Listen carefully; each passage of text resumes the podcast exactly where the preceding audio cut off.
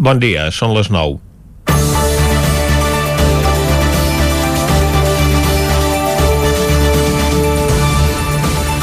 L'eliminació de la parada que la línia d'autobús que fa el trajecte directe entre Vic i Barcelona té al centre de la capital genera preocupació, tant entre els usuaris com per part de l'empresa que opera la línia, com del mateix Ajuntament de Vic, perquè hi veuen un clar perjudici en el servei de transport públic. Aquesta mesura ve donada per la voluntat de l'Ajuntament de Barcelona de fer baixar el trànsit a l'interior de la ciutat.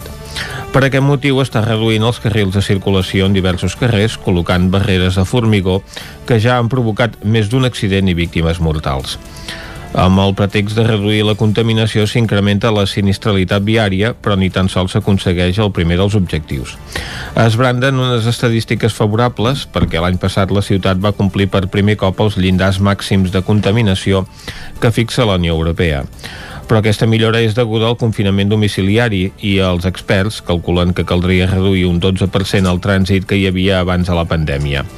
De moment, però, el que hi ha a Barcelona són més embussos quan encara no hem recuperat la plena llibertat de moviments per reduir l'ús del vehicle privat dels que són de fora de Barcelona, el primer que cal fer és millorar el transport públic. I això és exactament el contrari del que s'està fent amb mesures com aquesta d'impedir l'entrada de les noves línies d'autobús interurbà impulsades des de la Generalitat. Una nova descoordinació entre administracions que va en detriment de la confiança del ciutadà cap al transport públic. Un usuari altrament desatès perquè al mateix temps que l'Ajuntament li impedeix entrar fins al centre de la ciutat, tampoc no li ofereix estacions en tots els serveis a l'entrada de la ciutat si aquest és el model que defensa, ja que els usuaris de la E12 han d'esperar l'autobús a peu dret a la vorera de la Meridiana. El mateix es podria dir del transport ferroviari, també saturat i pendent d'unes inversions que no arriben, malgrat que la mateixa coalició de govern que hi ha a l'Ajuntament de Barcelona governa ara l'estat espanyol sense que sembla que tinguin pressa a posar-hi remei. Una altra, una altra mesura per reduir la contaminació de Barcelona, de la qual Osona n'és la principal interessada perquè després és la comarca que en resulta més afectada per les partícules que el vent impulsa cap a l'interior, és fomentar l'ús del vehicle elèctric. Però resulta que des d'ahir l'Ajuntament de Barcelona fa pagar els vehicles que s'endollen als punts de càrrega públics. I el preu serà tres vegades més car que fer-ho a casa, tot i que l'Ajuntament de Barcelona ha creat una empresa elèctrica pública, o el mateix que posar benzina. Amb decisions així no es fomenta que els conductors facin una forta inversió en un vehicle net que s'amortitza a llarg termini gràcies al menor cost en combustible. En definitiva, sembla que busquen molta política de parador de cara al ciutadà de Barcelona, però poca coherència en les mesures que es decreten per la població en general. Comencem Territori 17, a la sintonia del 9 FM, Ona Corinenca, Ràdio Cardedeu, La Veu de Sant Joan i el 9 TV. Territori 17, amb Vicenç Vigues i Jordi Sunyer.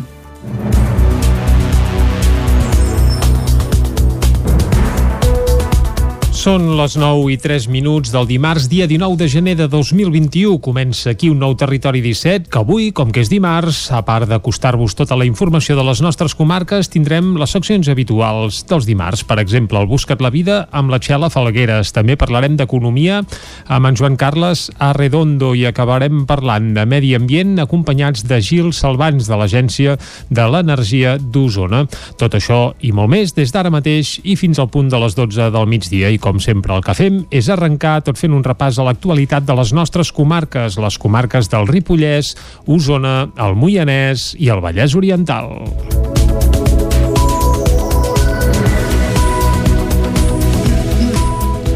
Salut veu probable superar els 4.000 ingressats i els 700 pacients a les UCI en la tercera onada. Així mateix ho va apuntar el coordinador de la unitat de seguiment de la Covid-19 a Catalunya, Jaco Mendioroz. Aquesta és una previsió molt negativa de l'impacte del coronavirus en el sistema sanitari, que a més a més està condicionada a l'efecte de les mesures. La consellera de Salut, Alba Vergés, va explicar que aquesta setmana arribaran menys de la meitat de les vacunes de Pfizer i BioNTech previstes inicialment a causa d'una retallada temporal en la distribució distribució. És per això que es prioritzarà l'administració de la segona dosi i fer una reserva perquè no es trenqui el cicle. La ministra de Política Territorial, Carolina Dàries, va assegurar aquest dilluns que el Consell Interterritorial de Sanitat debatrà sobre un possible avançament del toc de queda a les 8. En una entrevista a Onda Cero va justificar que el seu executiu hagi recorregut el decret del govern de Castella-Lleó que imposa aquest nou horari al seu territori. Segons Dàries, va ser una decisió unilateral i cal adoptar mesures per consens. En tot cas, va recordar que l'últim Consell Interterritorial tres consellers van demanar aquest avançament i l'acord va ser traslladat. La qüestió a la pròxima reunió que tindrà lloc demà dimecres. El brot de coronavirus a la residència Prudenci de Tona afecta 60 dels 82 usuaris, per tant, un 70% i 21 treballadors. La majoria de casos són asimptomàtics o amb simptomatologia lleu, tot i que set residents han hagut de ser traslladats a l'hospital i s'han registrat 5 defuncions, tot, totes de persones amb altes patologies prèvies. Tant l'administrador del centre com l'alcalde de Tona asseguren que s'han aplicat tots els protocols de salut pública en col·laboració amb el centre d'atenció primària de Tona i que la situació està en fase de desescalada. Amadeu Lleopard és l'alcalde de Tona. Estem parlant d'un brot que a poc a poc s'ha anat propagant i ha arribat a afectar unes 60 persones parlant només de, dels residents sembla que la situació eh, s'està desescalant els primers dos positius a la residència Prudenci es van detectar el passat 2 de gener. Tres dies després es van, van aparèixer 14 més. El dia 7 de gener, el mateix en què s'hi administrava la vacuna, es va fer un test PCR a tothom, a Madeu Lleopard. Una part de les persones afectades doncs no tenia una simptomologia greu sí que algunes persones doncs han estat eh, han hagut de ser internades en hospital, a l'Hospital General, i malauradament doncs, ens consten cinc defuncions. A Osona també s'ha detectat un brot de coronavirus a la Fundació Vilademany de Taradell que afecta quatre residents i tres treballadors. Una de les usuàries ha hagut de ser hospitalitzada. Davant de l'increment de contagis dels últims dies, Salut ha reforçat les mesures de prevenció a les residències i a tots els visitants se'ls farà un test ràpid abans d'accedir-hi. Aquesta setmana Catalunya es comença a administrar la segona dosi de la vacuna de la Covid-19 a les persones que ja han rebut la primera i que haurien d'estar protegits contra la malaltia al cap de 7 set dies de la segona punxada. Diumenge se'n feia l'arrencada simbòlica en una residència de la Pobla de Segur. En el cas d'Osona està previst que la segona punxada de residents personal de residències i personal sanitari s'inici el proper dia 26 de gener. Divendres la primera dosi de la vacuna va arribar a la residència Aura i a l'Hospital Sant Jaume de Malleu. Es van vacunar 114 usuàries i 64 professionals de la residència Aura, un 70% de la plantilla i 84 quatre persones que treballen a l'hospital. Sentim per aquest ordre a Jordina Muñoz, neuropsicòloga, a Ramon Coromines, que va ser el primer usuari vacunat de la residència Aura, i també a Teresa Oliva, usuària del mateix centre. Avui ens comencem a vacunar i esperem que això sigui l'inici de la fi de tot aquest malson, tant per nosaltres com per tota la ciutadania. Després de 10, de 10 mesos aquí confinat, és el que esperava amb candeletes l'esperava. De moment em sembla que poder pararem una mica la cosa, no sé, s'ha de veure, eh? No tenim... Confiança li tinc tota. Dijous de la setmana passada també es van vacunar professionals de l'Hospital de la Santa Creu de Vic, més de 30 persones entre personal de l'hospital, del servei de manteniment, neteja i cuina i de rehabilitació. Les escoles Bressol Municipal de Caldes superen els cribratges de Covid-19 amb bona nota. No hi ha hagut cap positiu als centres. Les xifres s'han donat a conèixer després de detectar sis positius en la plantilla de professors a l'Institut Manolo Huguer de Caldes. Caral Campàs és d'Ona Codinenca. Els professionals dels centres municipals, que són les escoles Bressol La Lluna i Gegant del Pi i l'Escola d'Adults El Roure Gros han donat negatiu en tots els casos. Per tant, ara per ara mantenen el 100% dels grups actius. Aquests resultats s'han conegut després que es donessin a conèixer els resultats dels cribratges a la resta d'escoles de titularitat no municipal. En total, 12 automostres positives que han suposat el confinament total de 24 grups. El centre més afectat ha estat l'Institut Manologuer amb 6 professionals que han donat positiu i que han suposat el tancament de 16 classes. Els sis restants provenen del Calderí, l'Escola Alfarell, l'Escola Montbui i l'Escola Pia, l'Escola Bressol, Peixets i l'Institut Pic del Vent no tenen fins al moment cap resultat positiu. Els alumnes d'aquests grups confinats estan ara a l'espera de fer les proves PCR. També es faran PCR a altres grups que no estan confinats però que tenen docents en quarantena per haver sigut contacte de casos positius. A nivell municipal, l'Ajuntament ha pres la iniciativa de fer proves també a professionals de l'Escola de Música i al Taller d'Art, centres municipals no inclosos en els cribratges massius del Departament de Salut. Les proves es faran la propera setmana. El Ripollès té 38 persones i dos grups escolars aïllats després de la primera setmana de curs a l'any. Isaac Muntades, des de la veu de Sant Joan. Després d'haver superat la primera setmana de classe passades les festes de Nadal, la situació a les escoles del Ripollès és força bona i només hi ha dos grups aïllats a la comarca i 38 alumnes confinats, la majoria dels quals, 32, pertanyen a l'Institut Escola Mestre Andreu de Sant Joan de les Abadeses. Segons va confirmar el director del centre educatiu, Miquel Mercè, s'han hagut de quedar a casa un grup d'infantil i un altre de primer de primària de 15 i 17 alumnes respectivament pels positius de dos nens. En total hi ha dos docents confinats i 30 alumnes. Encara a Sant Joan, a la llar d'infants al Molí Petit, hi ha tres alumnes aïllats aïllats per un positiu d'un nen, igual com passa a l'Institut Germans Vilarriera de Camprodon. A la resta de la comarca s'han detectat casos positius de coronavirus, però no s'ha hagut de confinar a ningú. Aquest és el cas de l'Escola d'Adults del Ripollès de Ripoll, que té quatre alumnes positius, mentre que l'Escola Pirineu de Can de Bànol en té un parell. Finalment, l'Escola Espinet Zer Vall del Ter de Sant Pau de Segúries, l'Institut Escola de Ribes de Freser i la Llar d'Infants Municipal de Camprodon tenen un alumne i dos docents positius respectivament.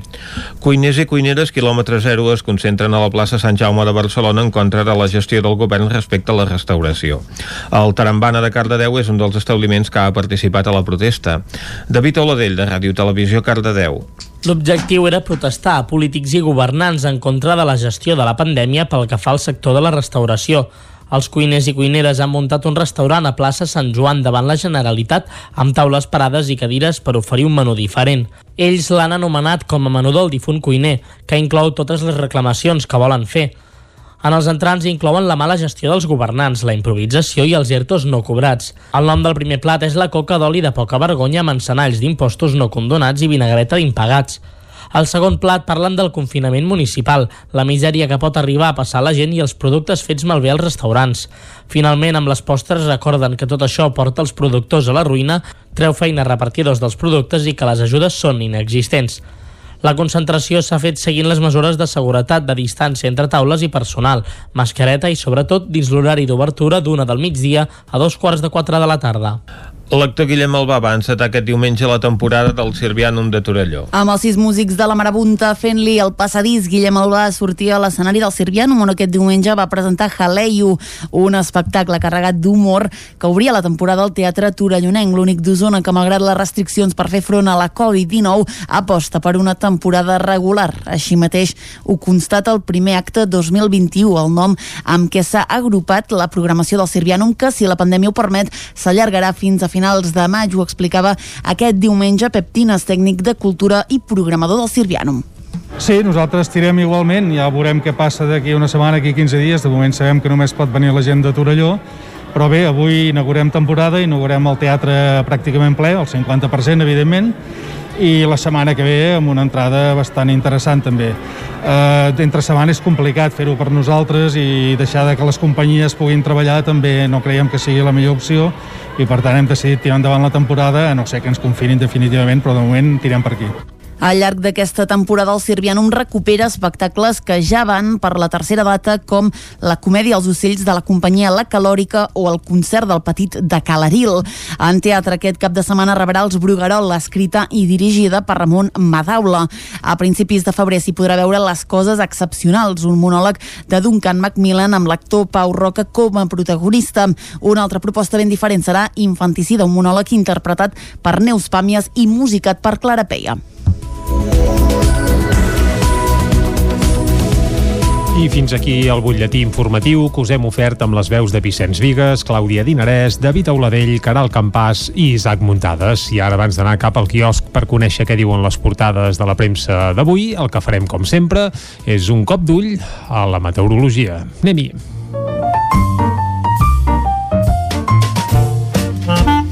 Casa Terradellos us ofereix el temps. I a Territori 17, quan parlem de meteorologia i parlem del temps, parlem amb en Pep Acosta. Molt bon dia, Pep. Hola, què tal? Bé, Molt bon dia. Anar fent bon dia. Benvingut a l'Espai del Temps. Gràcies, igualment. D'aquest dimarts 19 de gener.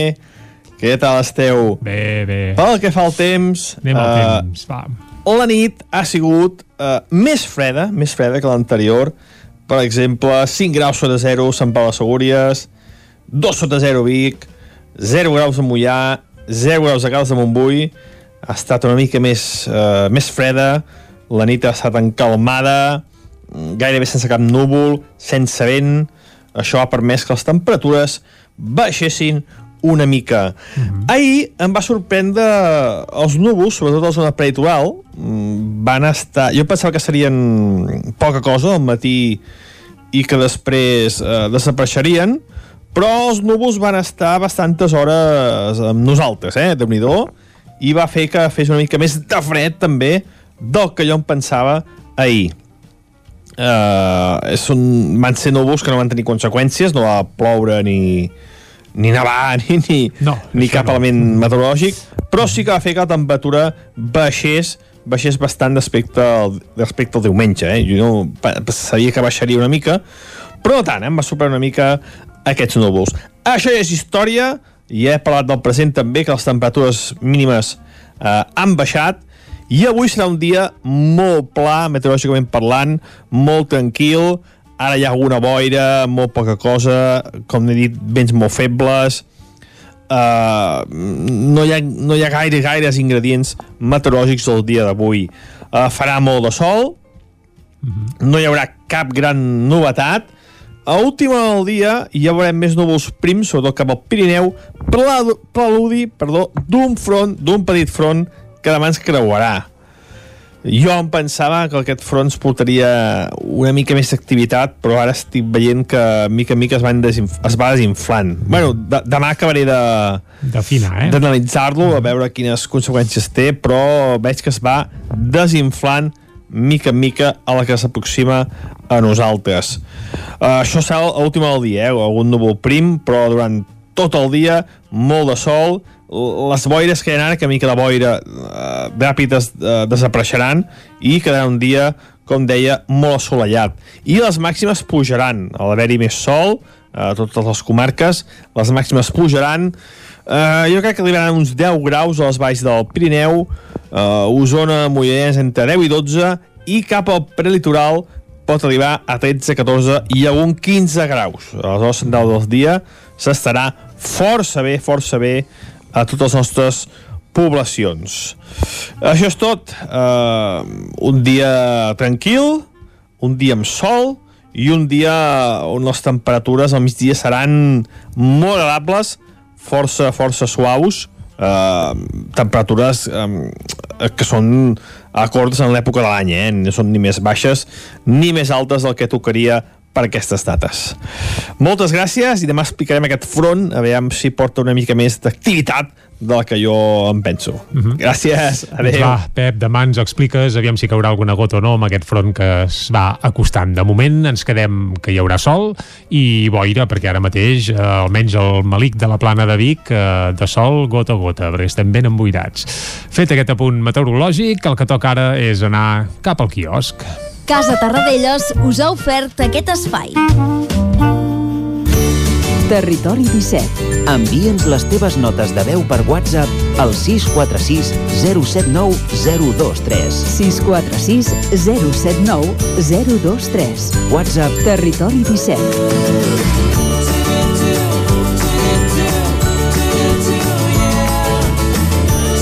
Territori 17. Som a Facebook, Twitter i Instagram amb l'usuari Territori 17.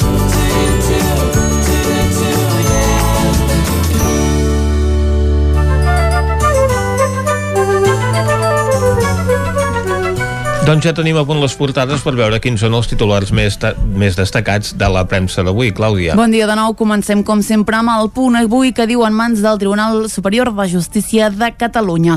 Els jutges han de resoldre abans de 48 hores si s'ajornen o no les eleccions. Tres forces extraparlamentàries i un veí demanen la suspensió de l'ajornament.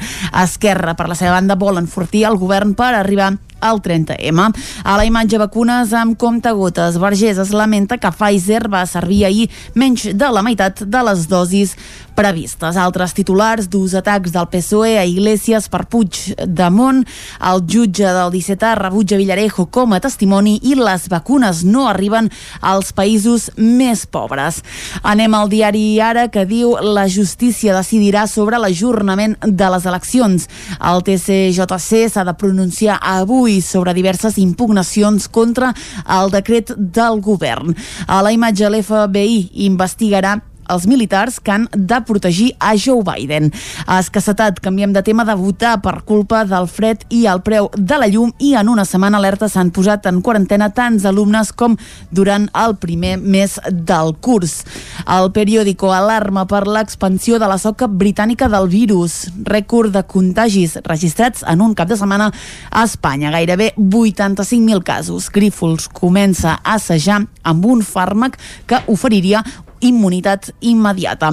A la imatge, uns Goya amb sorpresa les nominacions al certamen cinematogràfic espanyol certifiquen la singularitat de l'any de la pandèmia. També veiem a Amin Fakir, que és aquest sense llar que va morir a Barcelona, diu sense llar i sense identitat. El jove mort a Ciutadella en, en Uh, durant l'onada de, de fred, perdoneu, va ser identificat com el seu germà. Uh, I als Estats Units Trump acaba el mandat tancat i sol a la Casa Blanca. Anem a l'avantguàrdia que diu els Estats Units recelen de la Guàrdia Nacional.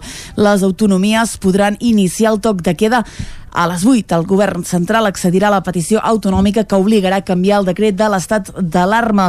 Barcelona compleix per primer cop el límit de pol·lució i el Tribunal Superior de Justícia de Catalunya decideix avui sobre la suspensió electoral del 14F. Després de repassar les portades a la premsa de Barcelona, anem a veure què diuen avui els diaris de Madrid. Comencem, com sempre, amb el país que diu la tercera onada es desboca en plena bronca sobre les mesures. Les comunitats reclamen marge per adelantar l'hora del toc de queda. És un dels debats d'aquest dimarts. Malestar del PSOE amb Iglesias per la seva defensa a Carles Puigdemont. Als Estats Units, Washington es blinda per la jura de Biden i una professora confessa que va falsificar l'acte del màster de Cifuentes. El Mundo Moncloa anticipa sis mesos molt durs per l'economia. Els sindicats tanquen 18 mesos de suport incondicional a Pedro Sánchez i anuncien mobilitzacions. A la imatge, judici farsa a Navalny i un dels temes que treu el Mundo molt similar a un que veurem a la Razón és que Pablo Iglesias irrita els descendents de l'exili republicà a l'equiparar-lo amb Puigdemont. Unes declaracions diuen el meu avi va arribar a Amèrica com el que surt de Marroc en una patera. Anem a la Razón i si us sembla comencem per aquest mateix tema perquè ells el que han fet és parlar amb Jesús Turmo, fill d'un exiliat republicà que qualifica d'infàmia la comparació d'Iglesias. Aquest senyor diu el meu pare va estar en un camp de concentració per defensar la llei. Puigdemont es va fugar per vulnerar-la. Un altre dels temes que obre avui la Razón diu SOS autonòmic s'ha de confinar abans d'una setmana i Treball va contractar personal no especialitat especialitzat per als ERTE. Acabem, com sempre, amb l'ABC, amb dos temes. Diu cèrcol autonòmic a l'estat d'alarma de Sánchez. El govern recorre el toc de queda de Castella i Lleó per frenar la onada de contagis. A la part inferior de la portada hi veiem el centre de vacunació de Jerusalem. Diu el secret d'Israel és que la sanitat pública i privada vacunen sota el comandament únic del Ministeri. La situació sanitària és el tema més destacat a les portades dels diaris de Madrid d'avui, amb aquestes mesures doncs, que estan promulgant algunes autonomies governades pel Partit Popular que demanen doncs, mesures més restrictives en el confinament veiem a l'ABC de fet un, una, uh, un posat uh, contradictori en la seva portada perquè mentre veiem doncs un, un ciutadà doncs, de Jerusalem que està sent vacunat i es defensa doncs, que una gestió sota un únic comandament d'àmbit ministerial resulta més eficaç, a l'altra part de la portada doncs el diari madrileny defensa aquesta decisió dels governs autonòmics de prendre mesures més restrictives al marge de les que decreta el govern espanyol. A la Razón, la fotografia de portada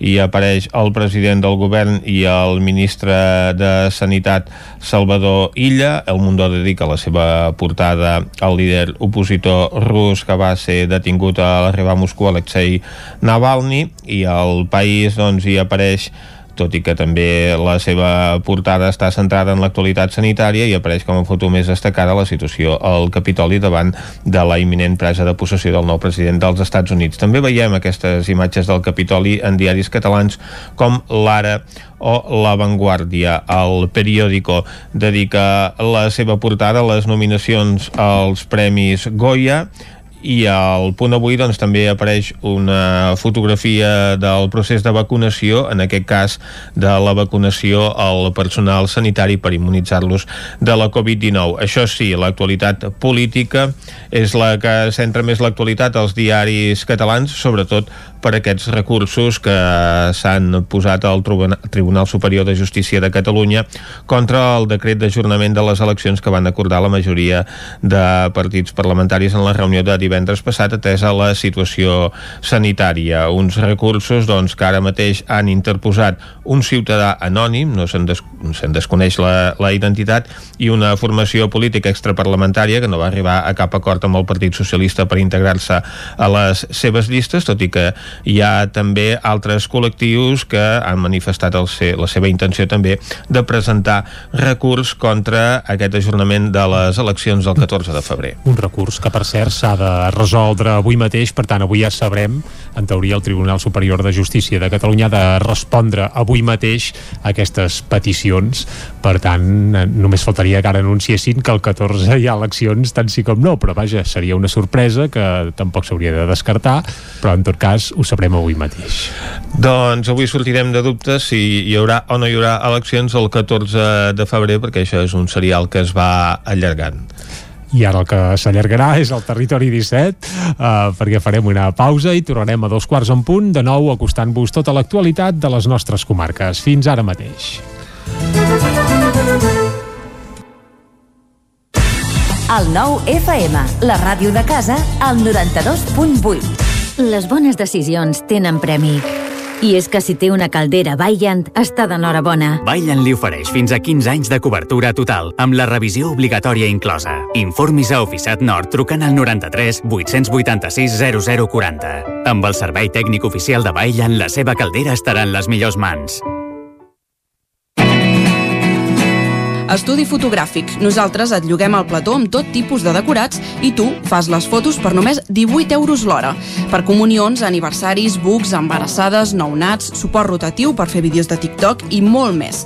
Per Sant Valentí regala un val per només 18 euros i tindràs un bon record fotogràfic. Ens trobaràs al carrer de Sant Tomàs 4 de Call d'Atenes al telèfon 640 56 0310 i també a Instagram i a Facebook. Cocodril Club. Si t'agrada la bona música dels anys 60, 70 i 80, escolta el 9 FM als matins de dissabtes i diumenges d'11 a 1. És el temps del Cocodril Club, tot un clàssic de la ràdio, amb les bases del pop-rock, les llegendes, les cançons que s'han convertit en autèntics himnes. Recorda, dissabtes i diumenges al matí, d'11 a 1, al 9 FM 92.8. Cocodril Club, el programa revival de l'Albert Malla. Hasta luego, Anuncia't al 9FM. La màquina de casa. 9 3 8 8 9 4 9 4 9. Publicitat arroba al 9FM.cat. Anuncia't al 9FM. La publicitat més eficaç. A Vic, T52. Solucions personalitzades. Dissenyem i produïm màscares personalitzades per a empreses, clubs o col·lectius a partir de 10 unitats. Disposem de dissenys propis per a particulars. Aconsegueix fins a un 30% de descompte. T52. Ens trobareu al centre, al carrer 941 i també a l'Horta Vermella, al carrer Menéndez Pelayo 31. Més informació a t52.cat. La Fogonera, resistència gastronòmica. És un restaurant? És un rostidor? És La Fogonera, la cuina en directe des de GURB, on encarregues, ho vens a buscar i ara també t'ho portem a casa. La Fogonera, resistència gastronòmica. Ara, amb la fogonera de dia, amb aperitius, arrossos, segons plats i postres. I quan cau la nit, ens transformem en un popurri culinari. Búrguers, pizza, pasta... Truca al 93 851 55 75 o entra a lafogonera.cat. La Fogonera, el teu aliat gastronòmic. El 9 FM, el 9 FM, el 9 FM, el 9 FM, el 9 FM. Territori 17, amb Vicenç Vigues i Jordi Sunyer.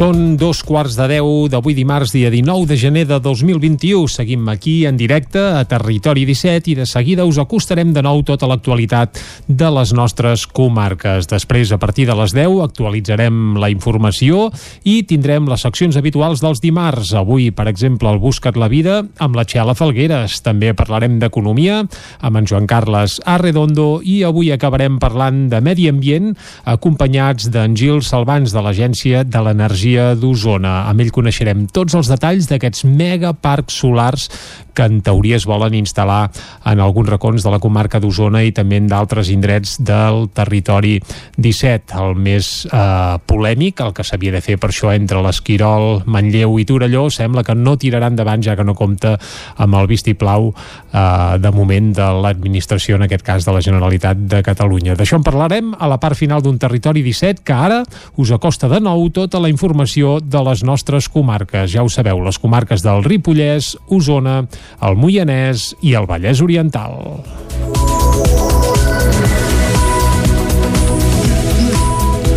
Salut veu probable superar els 4.000 ingressats i els 700 pacients a les UCI en la tercera onada. Així mateix ho va apuntar el coordinador de la unitat de seguiment de la Covid-19 a Catalunya, Jaco Mendioroz. Aquesta és una previsió molt negativa de l'impacte del coronavirus en el sistema sanitari, que a més a més està condicionada a l'efecte de les mesures. La consellera de Salut, Alba Vergés, va explicar que aquesta setmana arribaran menys de la meitat de les vacunes de Pfizer i BioNTech previstes inicialment a causa d'una retallada temporal en la distribució.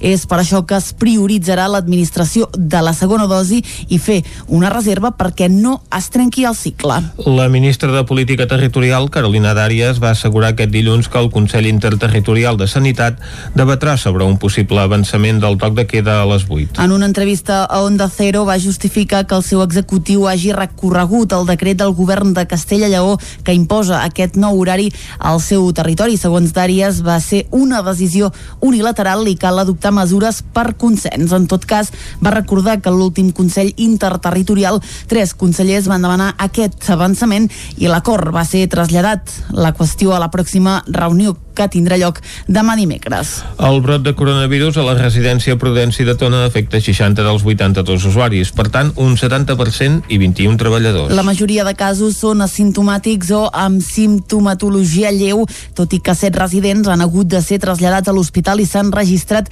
cinc defuncions, tot, totes de persones amb altes patologies prèvies. Tant l'administrador del centre com l'alcalde de Tona asseguren que s'han aplicat tots els protocols de salut pública en col·laboració amb el centre d'atenció primària de Tona i que la situació està en fase de desescalada. Amadeu Lleopart és l'alcalde de Tona. Estem parlant d'un brot que a poc a poc s'ha anat propagant i ha arribat a afectar unes 60 persones parlant només de, dels residents sembla que la situació eh, s'està desescalant els primers dos positius a la residència Prudència es van detectar el passat 2 de gener. Tres dies després es van, van aparèixer 14 més. El dia 7 de gener, el mateix en què s'hi administrava la vacuna, es va fer un test PCR a tothom a Madeu Lleopard. Una part de les persones afectades doncs no tenia una simptomologia greu sí que algunes persones doncs han estat eh, han hagut de ser internades en hospital, a l'Hospital General, i malauradament doncs, ens consten cinc defuncions. A Osona també s'ha detectat un brot de coronavirus a la Fundació Vilademany de Taradell que afecta quatre residents i tres treballadors. Una de les usuàries ha hagut de ser hospitalitzada.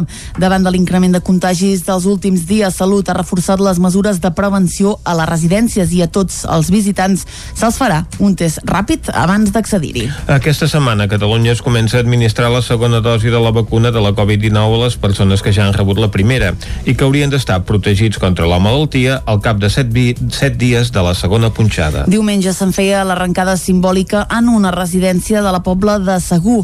En el cas d'Osona està previst que la segona punxada residents personal de residències i personal sanitari s'inici el proper dia 26 de gener. Divendres la primera dosi de la vacuna va arribar a la residència Aura i a l'Hospital Sant Jaume de Malleu. Es van vacunar 114 usuàries i 64 professionals de la residència Aura, un 70% de la plantilla i 80 64 persones que treballen a l'hospital. Sentim per aquest ordre a Jordina Muñoz, neuropsicòloga, a Ramon Coromines, que va ser el primer usuari vacunat de la residència Aura, i també a Teresa Oliva, usuària del mateix centre. Avui ens comencem a vacunar i esperem que això sigui l'inici de la fi de tot aquest mal son, tant per nosaltres com per tota la ciutadania. Després de 10, de 10 mesos tanc... aquí confinat, és el que esperava. Amb candeletes l'esperava.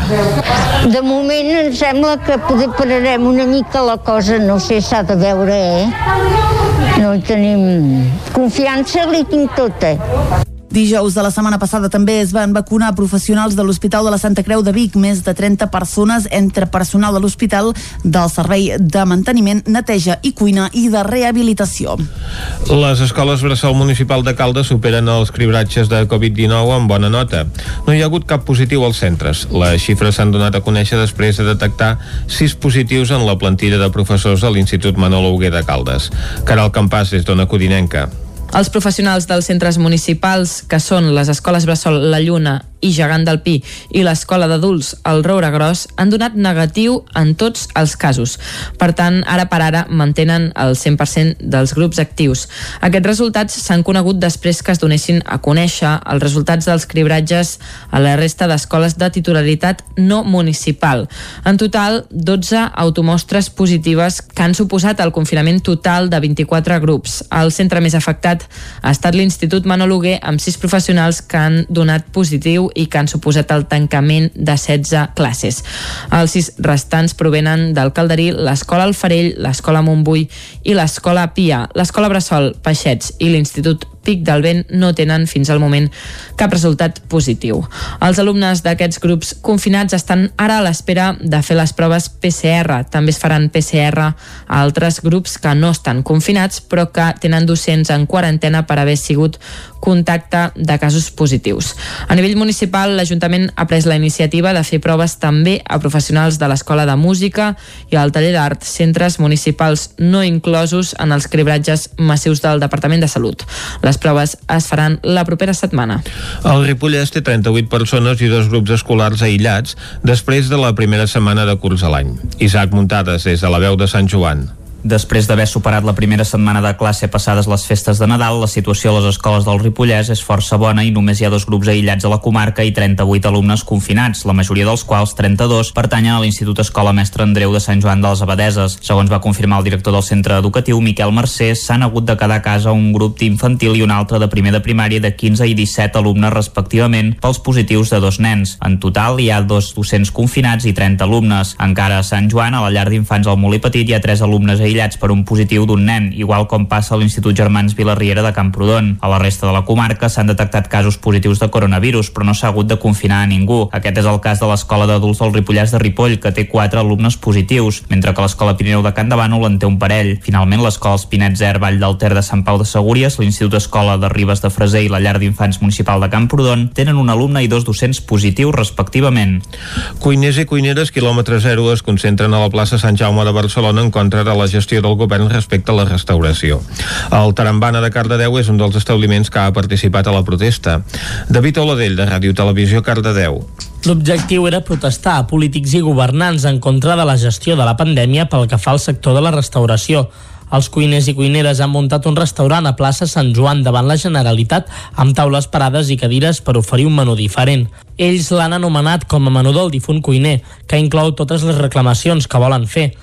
En els entrants inclouen la mala gestió dels governants, la improvisació i els ERTOs no cobrats. El nom del primer plat és la coca d'oli de poca vergonya amb encenalls d'impostos no condonats i vinagreta d'impagats. Al segon plat parlen del confinament municipal, la misèria que pot arribar a passar la gent i els productes fets malbé als restaurants. Finalment, amb les postres recorden que tot això porta els productors a la ruïna, treu feina a repartidors dels productes i que les ajudes són inexistents. La concentració s'ha fet seguint les mesures de seguretat de distància entre taules i personal, mascareta i sobretot dins l'horari d'obertura d'una del migdia a dos quarts de quatre de la tarda. L'actor Guillem Albà va encetar aquest diumenge la temporada del Sirvianum de Torelló. Amb els sis músics de la Marabunta fent-li el passadís, Guillem Albà sortia a l'escenari del Sirvianum on aquest diumenge va presentar Jaleio, un espectacle carregat d'humor que obria la temporada al Teatre Torellonenc, l'únic d'Osona que malgrat les restriccions per fer front a la Covid-19 aposta per una temporada regular. Així mateix ho constata el primer acte 2021, el nom amb què s'ha agrupat la programació del Sirvianum que, si la pandèmia ho permet, s'allargarà fins a finals de maig, ho explicava aquest diumenge Pep Tines, tècnic de cultura i programador del Sirvianum.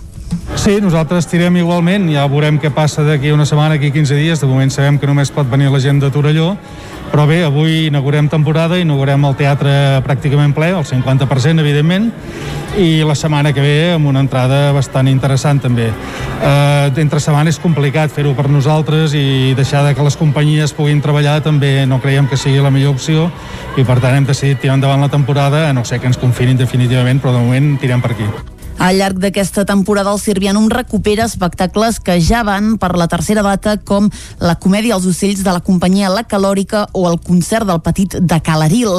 En teatre aquest cap de setmana rebrà els Bruguerol, escrita i dirigida per Ramon Madaula. A principis de febrer s'hi podrà veure Les coses excepcionals, un monòleg de Duncan Macmillan amb l'actor Pau Roca com a protagonista. Una altra proposta ben diferent serà Infanticida, un monòleg interpretat per Neus Pàmies i musicat per Clara Peia.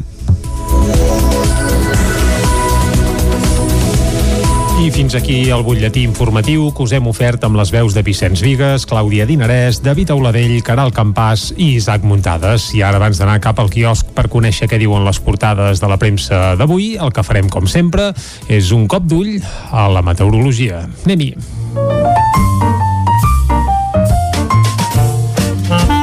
Casa Terradellos us ofereix el temps. I a Territori 17, quan parlem de meteorologia i parlem del temps, parlem amb en Pep Acosta. Molt bon dia, Pep. Hola, què tal? Bé, Molt bon dia. Anar fent bon dia. Benvingut a l'Espai del Temps. Gràcies, igualment. D'aquest dimarts 19 de gener. Què tal esteu? Bé, bé. Pel que fa al temps... Anem al eh, temps, va. La nit ha sigut eh, més freda, més freda que l'anterior. Per exemple, 5 graus sota 0 Sant Pau de Segúries, 2 sota 0 Vic, 0 graus a Mollà, 0 graus a Calç de Montbui.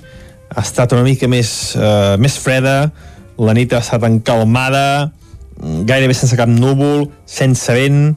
Això ha permès que les temperatures baixessin una mica. Mm -hmm. Ahir em va sorprendre els núvols, sobretot a la zona peritoral, mm, van estar... Jo pensava que serien poca cosa al matí i que després eh, desapareixerien, però els núvols van estar bastantes hores amb nosaltres, eh, déu nhi i va fer que fes una mica més de fred també del que jo em pensava ahir. Uh, és un, van ser núvols que no van tenir conseqüències, no va ploure ni, ni nevar ni, ni, no, ni cap no. element meteorològic, però sí que va fer que la temperatura baixés baixés bastant respecte al, respecte al diumenge. Eh? Jo no, sabia que baixaria una mica, però no tant, eh? em va superar una mica aquests núvols. Això ja és història, i he parlat del present també, que les temperatures mínimes eh, han baixat, i avui serà un dia molt pla, meteorològicament parlant, molt tranquil, ara hi ha alguna boira, molt poca cosa, com he dit, vents molt febles, uh, no, hi ha, no hi ha gaire, gaires ingredients meteorològics el dia d'avui.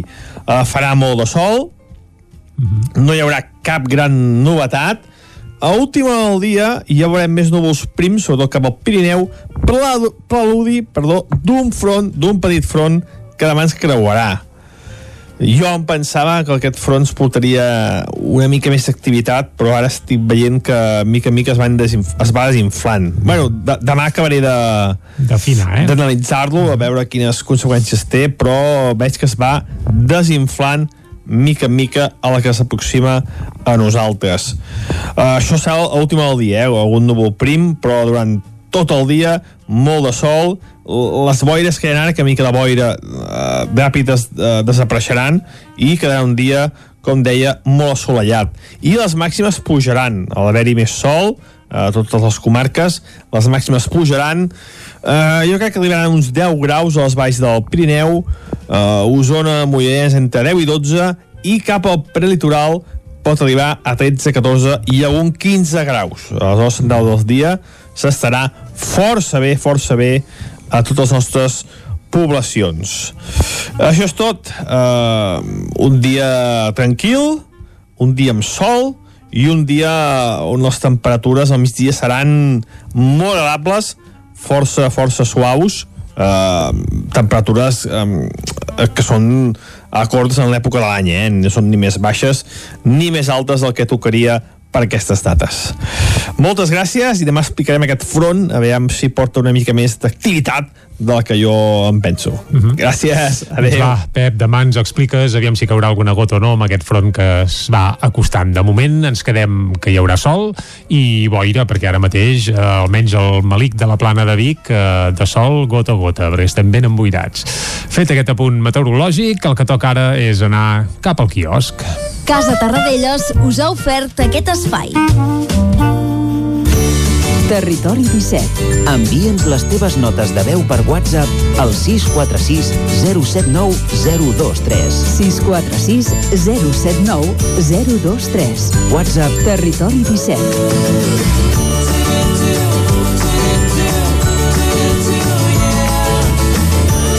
Territori 17. Som a Facebook, Twitter i Instagram amb l'usuari Territori 17.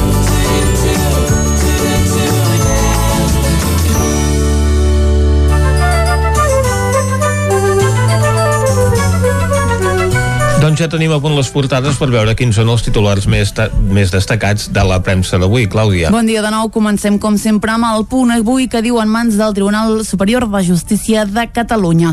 Els jutges han de resoldre abans de 48 hores si s'ajornen o no les eleccions. Tres forces extraparlamentàries i un veí demanen la suspensió de l'ajornament. Esquerra, per la seva banda, vol enfortir el govern per arribar al 30M. A la imatge vacunes amb comptagotes, Vergés es lamenta que Pfizer va servir ahir menys de la meitat de les dosis previstes. Altres titulars d'ús atacs del PSOE a Iglesias per Puigdemont, el jutge del 17A rebutja Villarejo com a testimoni i les vacunes no arriben als països més pobres. Anem al diari Ara que diu la justícia decidirà sobre l'ajornament de les eleccions.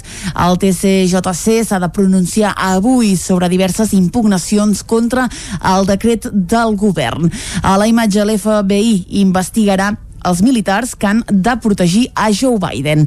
A escassetat, canviem de tema de votar per culpa del fred i el preu de la llum i en una setmana alerta s'han posat en quarantena tants alumnes com durant el primer mes del curs.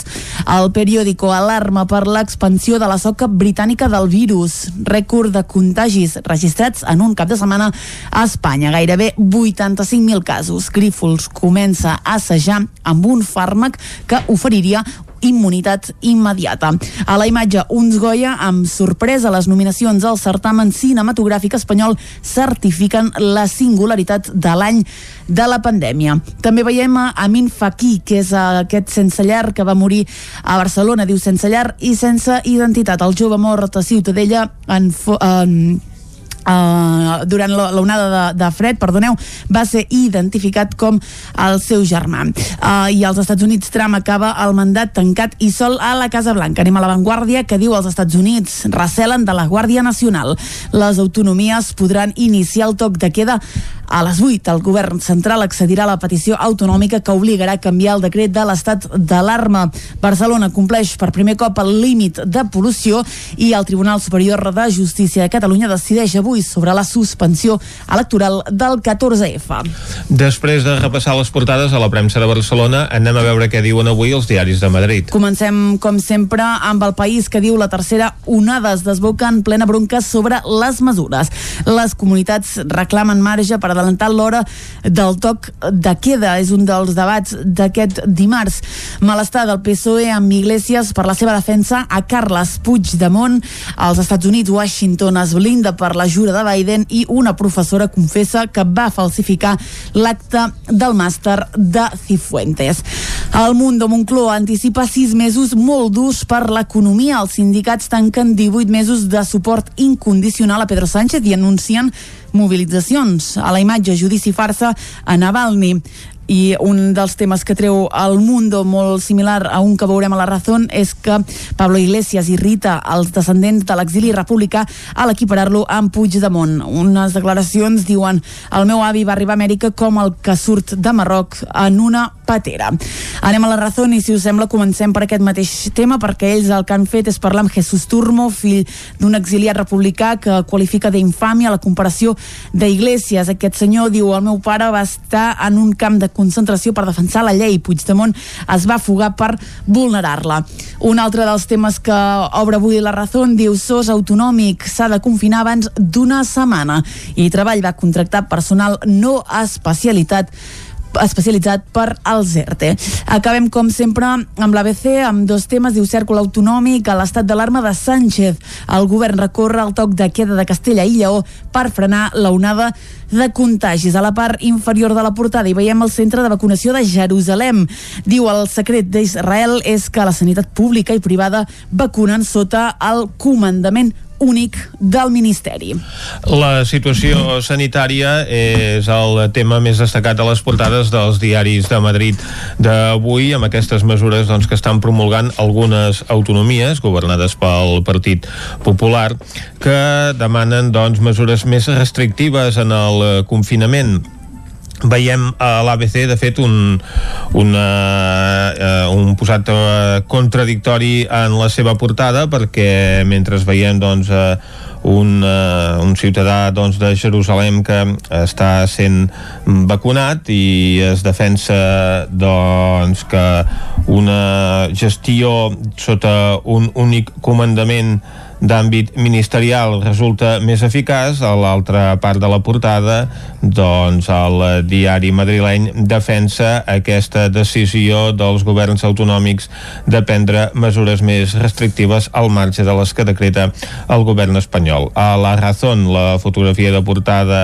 hi apareix el president del govern i el ministre de Sanitat Salvador Illa. El Mundo dedica la seva portada al líder opositor rus que va ser detingut a l'arribar a Moscou Alexei Navalny i el país doncs, hi apareix tot i que també la seva portada està centrada en l'actualitat sanitària i apareix com a foto més destacada la situació al Capitoli davant de la imminent presa de possessió del nou president dels Estats Units. També veiem aquestes imatges del Capitoli en diaris catalans com l'Ara o La Vanguardia. El periòdico dedica la seva portada a les nominacions als Premis Goya i al punt avui doncs, també apareix una fotografia del procés de vacunació, en aquest cas de la vacunació al personal sanitari per immunitzar-los de la Covid-19. Això sí, l'actualitat política és la que centra més l'actualitat als diaris catalans, sobretot per aquests recursos que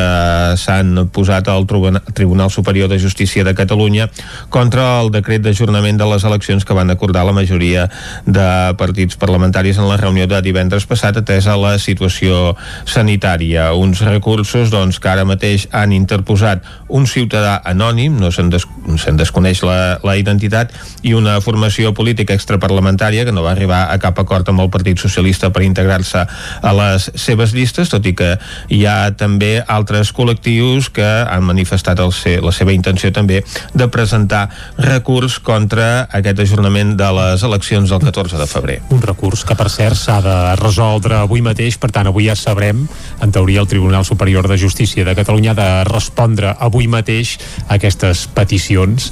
Per tant, només faltaria que ara anunciessin que el 14 hi ha eleccions, tant sí com no, però vaja, seria una sorpresa que tampoc s'hauria de descartar, però en tot cas ho sabrem avui mateix. Doncs avui sortirem de dubtes si hi haurà o no hi haurà eleccions el 14 de febrer, perquè això és un serial que es va allargant. Doncs, Vicenç, mentre esperem si hi ha eleccions o no, uh Mhm. -huh. un dia o altre n'hi haurà. Esperem-ho, això, això segur.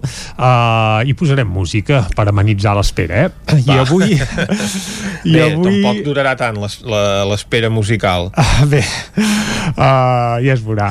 Uh, avui hem volgut triar una cançó uh, per homenatjar un personatge que ahir celebrava mig segle de vida. Va, aviam si... Uh, En Guardiola. En Guardiola, Però no em correcte. diguis que ara posaràs en José Guardiola aquí cantant Soy No. minero o alguna cosa no, així. No, home, no, no, no, no. Sixteen Pos- Town. No? Posarem una cançó en homenatge al Pep Guardiola, el mite, un dels mites del barcelonisme, segurament un dels millors entrenadors eh, no que han passat pel Barça, que evidentment sí, el millor entrenador que ha passat al Barça al segle XXI segur, i dels millors que hi passaran mai també, i dels millors entrenadors que hi ha ara també, i l'únic que desitgem és que pugui acabar la seva carrera com a entrenador algun dia doncs, sent seleccionador estatal de la seva selecció, però això el pas que anem potser... potser Mm, va per llarg. Va per llarg, sí, sí. Uh, però vaja, doncs amb aquest desig el que farem és posar una cançó, punxar una cançó que es va escriure en homenatge al Pep Guardiola el dia que va anunciar que deixava el Barça. Uh -huh. Va ser el 27 d'abril de 2012, va fer una roda de premsa per explicar això, que se sentia buit, cansat, que havia de deixar després de 4 anys d'èxits de gran futbol, i els Falcon and Firkin, que són una formació del Bages, amb uns quants discos ja a les espatlles i amb una llarga trajectòria, doncs van fer una cançó que precisament es titula 27 d'abril de 2012, una uh. -huh. cançó especial en homenatge al Guardiola, on recorden aquella data i on, evidentment, a través d'aquesta cançó li agraeixen tota la tasca que va fer el, el Barça. I, per cert, com a curiositat, eh, dir que sis anys després, també un 27 d'abril, en aquest cas de 2018, qui es va acomiadar del Barça va ser l'Iniesta. Va triar el mateix dia per anunciar-ho que el Guardiola. Uh -huh. Uh, també un 27 d'abril. Per tant, a part de ser el dia de la patrona De de, Catalunya. la, de Catalunya, de, de, vaja, dia de Santa Montserrat, doncs resulta que és el dia que Guardiola va anunciar que deixava el Barça i també l'Iniesta. Però avui ens quedem, evidentment, amb aquest 27 d'abril de 2012, el dia que Pep Guardiola va anunciar que deixava el Barça, i ho fem perquè ahir el Pep Guardiola va complir 50 anys. Des d'aquí, moltes felicitats, i ara fins a arribar al punt de les 10 escoltarem aquest 27 d'abril de 2012 de Falcon and Firkin. Sí? Oh, i tant. Doncs parem-hi bé l'orella, que és bonic.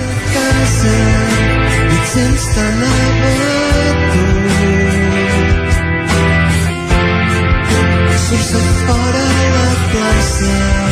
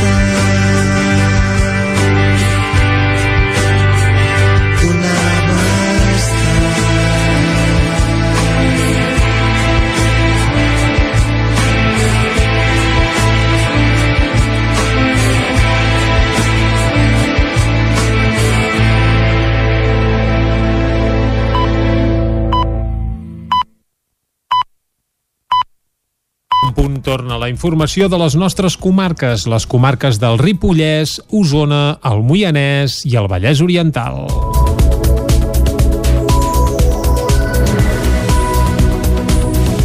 L'escorxador comarcal del Ripollès presenta una ampliació de capital de 60.000 euros per caminar cap a la viabilitat. Isaac Muntades, des de la veu de Sant Joan. L'escorxador comarcal del Ripollès, situat a la carretera de Sant Joan de Ripoll i que funciona des de l'any 1990, enceta una nova fase per tal de deixar de ser deficitari després de l'ampliació de capital que s'hi ha fet per valor de 60.000 euros. La notícia es va detallar àmpliament al darrer ple del Consell d'Alcaldes, on es va recordar que no es fan millores importants a la infraestructura des de l'any 2011, i ara era clau posar-lo al dia perquè es garanteixi la viabilitat d'aquest servei, el qual és essencial pel sector primari de la comarca. La presidenta de l'escorxador, Manoli Vega, deia això. Ja fa més d'un any vàrem assistir a un Consell d'Alcaldes exposant la situació de l'escorxador. La situació en aquells moments era tancar o apostar. El que volia dir apostar és invertir, buscar línies d'in- d'inversió, buscar línies de subvenció. Semblava que, clar que mm, llavors gairebé totes les institucions, sobretot el sector, eh, que l'escorxador l'havíem l'hem de salvar. En aquests moments, i més que mai, per la situació que vivim, que estem buscant reactivar la nostra comarca, no tindria sentit no continuar eh, invertint en, en. Eh, és important que l'escorxador del Ripollès juntament amb el de Camprodon pugui donar la reactivació econòmica que ara mateix, més que mai, com deia, necessita el sector primari. Si l'escorxador comarcal hagués de tancar, també ho haurien de fer moltes explotacions del Ripollès. De fet, per revertir completament la situació, seria necessari fer-hi obres per adaptar-lo a les normatives vigents actualment i incorporar-hi millores com l'eficiència energètica que requeririen un pla de xoc de com a mínim 200.000 euros. Ara mateix el 20% del capital és privat i dels 19 municipis, només 5 de la comarca en són socis. Ripoll, Can de Bànol, Sant Joan de les Abadeses, Vallfogona de Ripollès i les Llosses. També n'és soci Vidrà, que forma part d'Osona. Hi ha tres ajuntaments més que han manifestat la seva voluntat de ser-ne o no socis i 11 no s'han pronunciat. L'escorxador del Ripollès és de baixa capacitat i durant tot el 2020 s'hi van sacrificar més de 10.500 animals, un 11% menys que els 11.800 del 2019. Dels caps de bestiar sacrificats, més de la meitat, uns 5.500 van ser d'oví, 2.800 de porcí i 1.200 de boví, uns 760 de cabrum i 25 d'aquí. La directora general d'Agricultura i Ramaderia de la Generalitat de Catalunya, Elisenda Guillaume, es va recordar la línia d'ajuts impulsada pel Departament per escorxadors de baixa capacitat i així ho relatava. Hem aconseguit treure aquest plurianual que està aprovat per govern. La convocatòria d'enguany va ser molt petita, diguéssim, perquè no teníem marge de maniobra. O sigui, vam treure la convocatòria una vegada es va haver aprovat el plurianual i la vam treure a final d'any, per tant, en tres mesos em sembla que quedaven, no es podien fer grans obres i havíem de certificar abans d'acabar l'any. Per tant, aquests diners que vam aconseguir com de manera extra era perquè durant aquest 2020, doncs eh, com a mínim poguessin ja entomar el que seria redacció de projectes, val? i per tant poder assumir el que ens donava temps en tres mesos, però amb la intenció d'aquest plurianual eh, que en principi durarà dos anys, que és l'any el 2021 i el 2022. En la primera convocatòria, l'excursió del Ripollès ja va sol·licitar 10.000 euros i també preveu demanar-ne en les altres dues. La convocatòria del 2021 sortirà aquest primer trimestre i entrarà la part de nous escorxadors i grans inversions amb un topall màxim de 70.000 euros que suposa un 50% del finançament, tot i que estan estudiant incrementar aquest percentatge. En cadascun dels dos anys hi haurà un pressupost de 600.000 euros. Tres persones van resultar ferides menys greus per inhalació de fum en un incendi que es va declarar la matinada d'aquest dilluns a Roda de Ter. El foc es va produir en un bloc de pisos del carrer Josep Puig d'Ullers. Els bombers van rebre l'avís a la una de la matinada i l'incendi que es va originar a la instal·lació elèctrica a l'entrada del bloc que es va donar per extingit quan passaven 4 minuts de dos quarts de dues. El fum va afectar l'escala i la instal·lació elèctrica va quedar inutilitzada.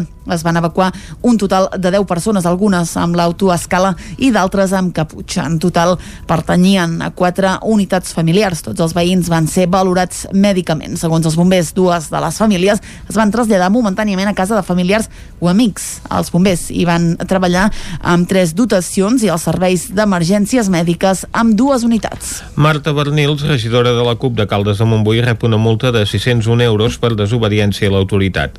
Així ho han explicat en una roda de premsa aquest dilluns a la tarda. Caral Campàs, des d'Ona Codinenca. Els fets es remunten a un tall a la C-59 que es va fer per part d'un grup de persones de Caldes l'octubre de 2019 en motiu d'una concentració de suport a Xenia Garcia, una calderina represaliada en el marc de les protestes per la sentència. La Xenia va estar tancada a la presó de Batràs durant 12 dies després de ser detinguda quan s'allunyava dels aldarulls pacíficament. Arran d'aquests fets, la vila de Caldes es va volcar en mostres de suport. A través del grup de suport a la Xènia es van organitzar diverses accions. Una d'elles, la concentració del dia 20 d'octubre de 2019. Mig centenar de persones es van concentrar a la plaça de l'Àngel en contra de la detenció de la calderina. En acabar, un grup de persones espontàniament va decidir tallar la C-59.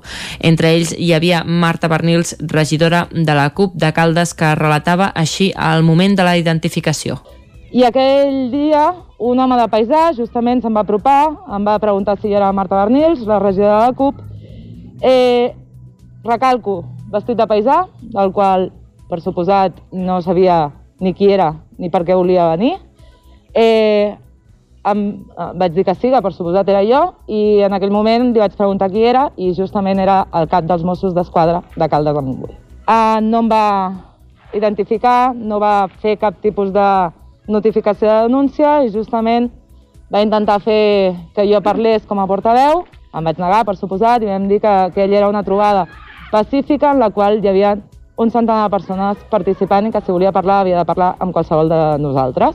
La regidora destacava que l'acusació particular és la Generalitat i apuntava que el seu no és l'únic cas repressiu. Justament un any i tres mesos després m'ha arribat una, una denúncia per delicte greu per part de la Generalitat de Catalunya, important recalcar-ho, on se m'acusa de desobediència a l'autoritat, negativa identificació i presumpta organització d'una manifestació. Sota la llei Mordassa.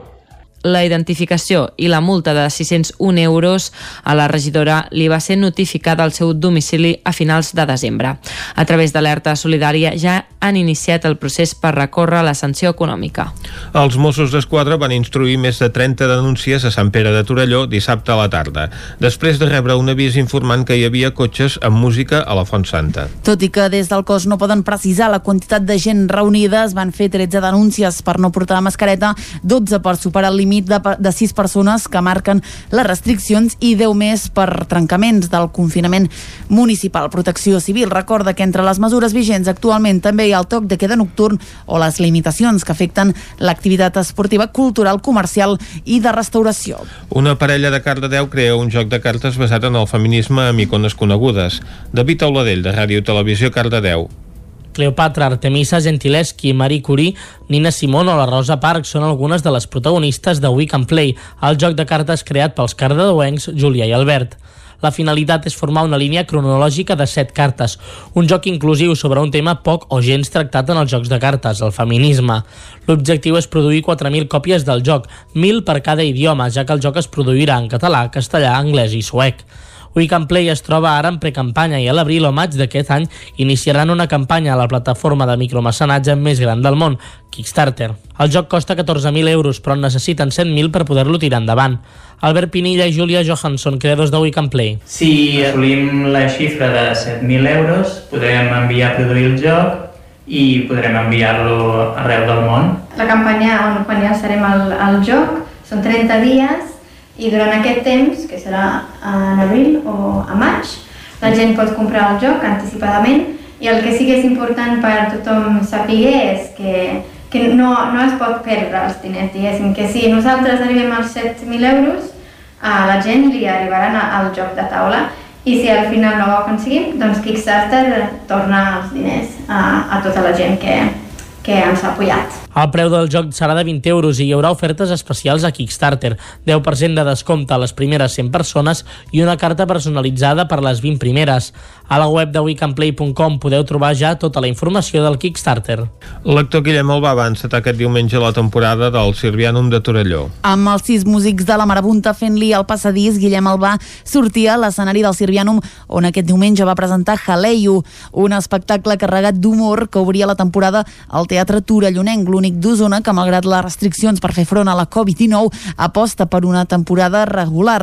Així ho constata el primer acte 2021, el nom amb què s'ha agrupat la programació del Sirvianum, que, si la pandèmia ho permet, s'allargarà fins a finals de maig. Ho explicava aquest diumenge Pep Tines, tècnic de cultura i programador del Sirvianum.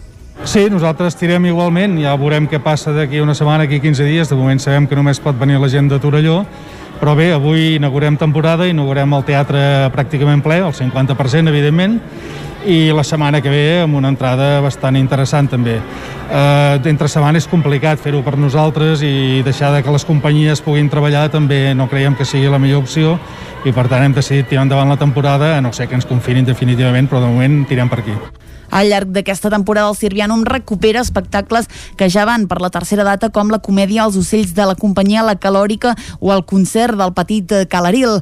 En teatre aquest cap de setmana rebrà els Bruguerola, escrita i dirigida per Ramon Madaula. A principis de febrer s'hi podrà veure les coses excepcionals, un monòleg de Duncan Macmillan amb l'actor Pau Roca com a protagonista. Una altra proposta ben diferent serà Infanticida, un monòleg interpretat per Neus Pàmies i musicat per Clara Peia. I fins aquí el butlletí informatiu de les 10 del matí que us hem ofert, com sempre, amb les veus de Vicenç Vigues, Clàudia Dinarès, David Auladell, Caral Campàs i Isaac Muntades. Ara el que toca és acostar-vos de nou la informació meteorològica.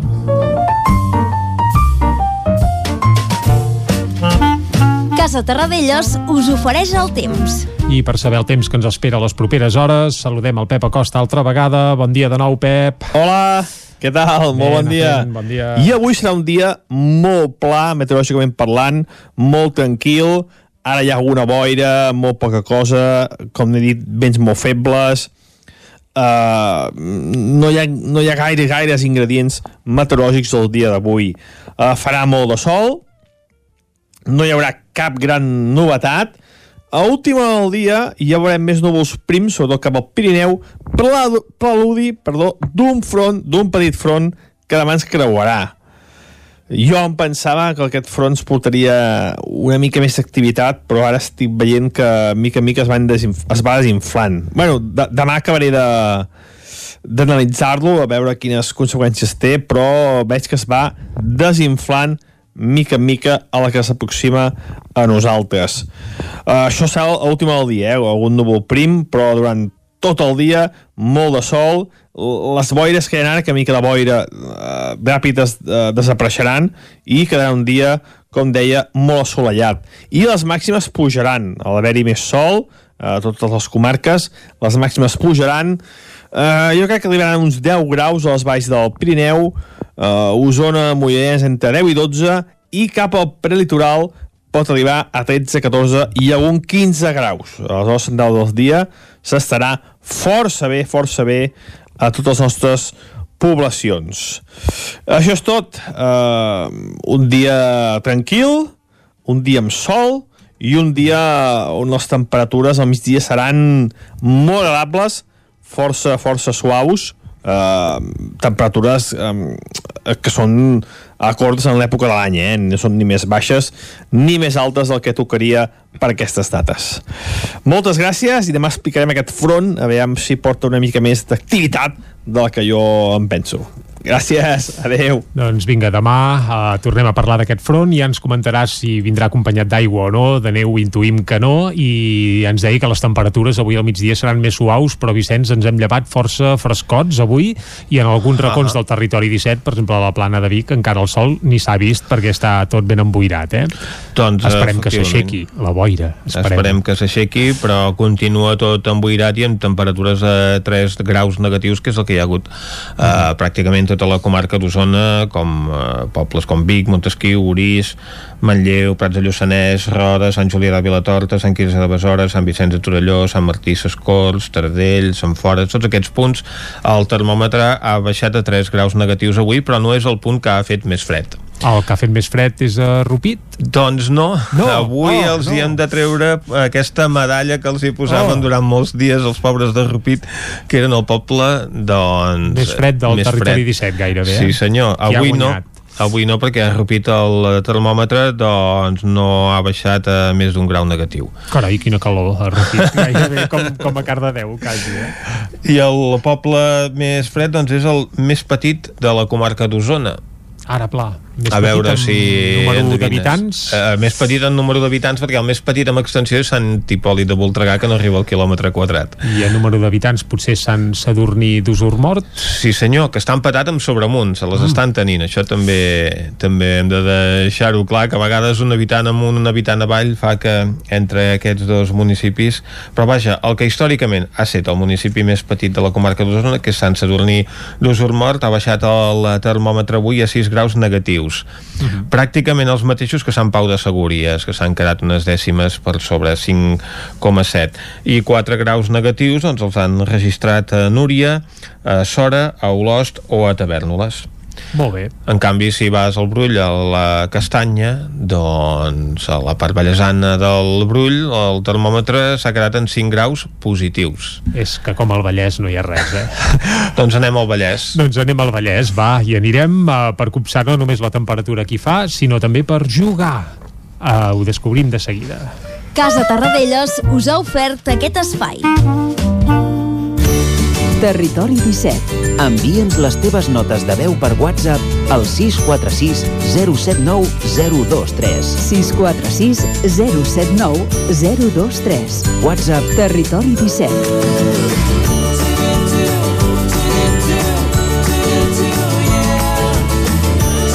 Territori 17. Som a Facebook, Twitter i Instagram amb l'usuari Territori 17.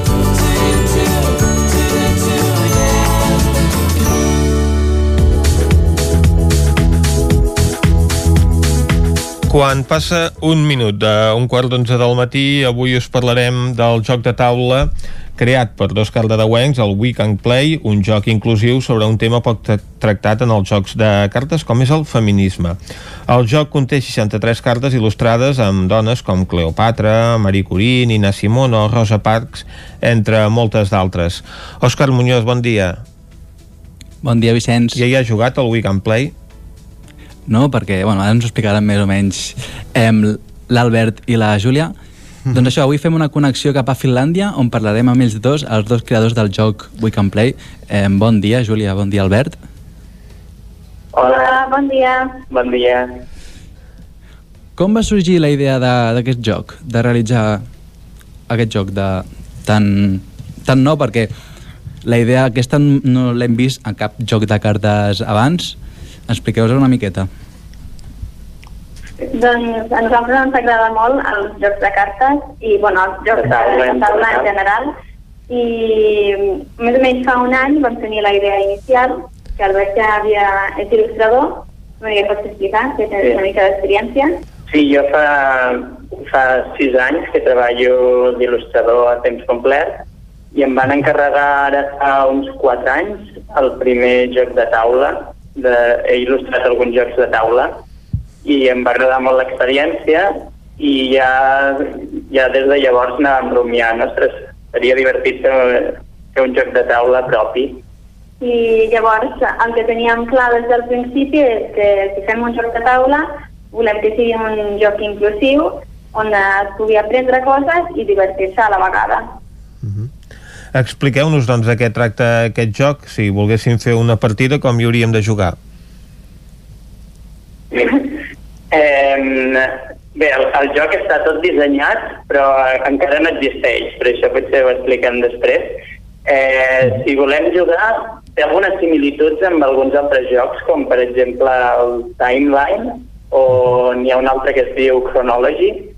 Es tracta de fer una línia de temps. Cada carta, per un cantó, té el fet històric de diferents dones, i per un cantó és el fet històric i per l'altre al cantó hi ha el mateix fet però també la data. Llavors, en un primer moment, cada jugador ha d'anar intentant col·locar en correcte ordre crono- cronològic. És una mica complicat eh, explicar per aquest telèfon, però el joc és senzill, però has d'intentar fer una línia cronològica en correcte ordre crono- cronològic. I fins que no destapes la, la carta no és quan comproves si realment l'has emplaçat, l'has col·locat correctament. I la persona guanyadora és la que té set cartes en línia cronològica. El que primer té set cartes. Molt bé. Una a Finlàndia i l'altra de Barcelona. Per això el, aquest joc el podrem trobar en quatre idiomes?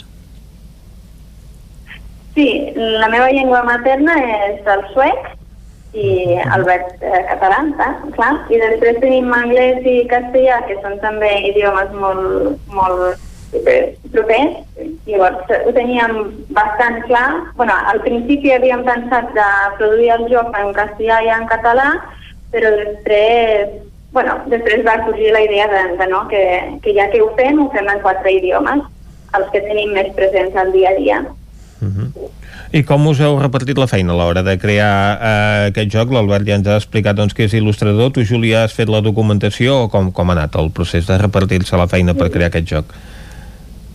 Jo més que res he estat buscant informació sobre les dones Uh -huh. i, i he estat eh, fent sí, com el, el contingut del joc i junts estem també treballant amb el màrqueting, bueno, com ara estem en plena precampanya, es- estem intentant fer difusió sobre el joc i Albert s'encarrega una mica més i jo estic ajudant. Sí, també és que tenim, tenim dues filles, llavors també és complicat, però, però ho portem tot endavant. I sí, ara estem amb la part del, de la promoció, perquè farem un, un Kickstarter, de fet ja, ja tenim la precampanya, tenim una pàgina de Kickstarter de precampanya, on tothom qui li interessi es pot registrar i eh, llavors se li notificarà el dia que comenci la campanya que tenim previst que sigui al, a l'abril o al maig. Uh -huh. Heu comentat que teniu dues filles. Eh, aquest joc el, el podrien jugar elles o per quina edat eh, està, està aquest joc? Bueno, primer de tot, eh, has de poder llegir per jugar a aquest joc, llavors, però diria que per, per al tema i també que són fets històrics hem posat a partir de 10 anys més endavant. Sí, com a recomanació, però sí que ja hem jugat amb la nostra filla que té 8 anys i, i juga perfectament. Sí, clar, ella va provant, mirar la, mirar la carta i pensar això pot ser fa molt de temps, perquè clar, les il·lustracions també donen una miqueta de pista. Que si potser ha passat fa molt de temps o si és algo actual. Uh -huh.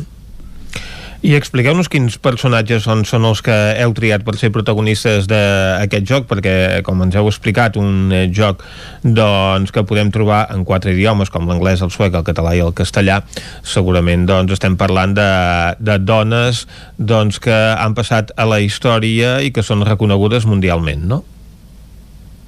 Sí, sí. Eh, això vam tenir bastant present des del principi, que volíem tenir dones conegudes i també dones no conegudes.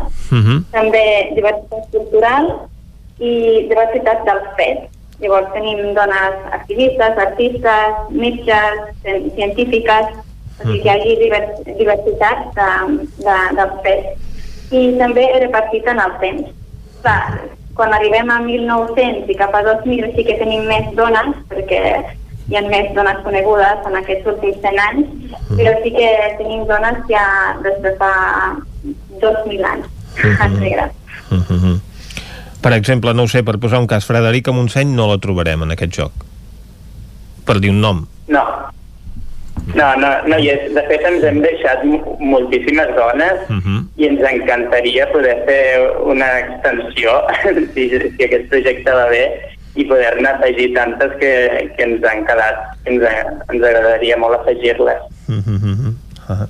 Aquest, eh, aquest eh, projecte ara doncs ens heu dit que es pot adquirir a través d'una plataforma en línia. Eh, diguem que serà a partir d'aquí d'aquest moment que es començarà a fer doncs eh, a fer realitat a tenir format físic eh, aquest joc. Eh, es podrà adquirir també a través d'algun altre canal? Expliqueu-nos una mica com, com funcionarà això a partir d'ara. Sí, funciona. El, el Kickstarter és una plataforma de micromecenatge uh -huh. i el, el nostre objectiu és finançar, aconseguir finançar una part del projecte.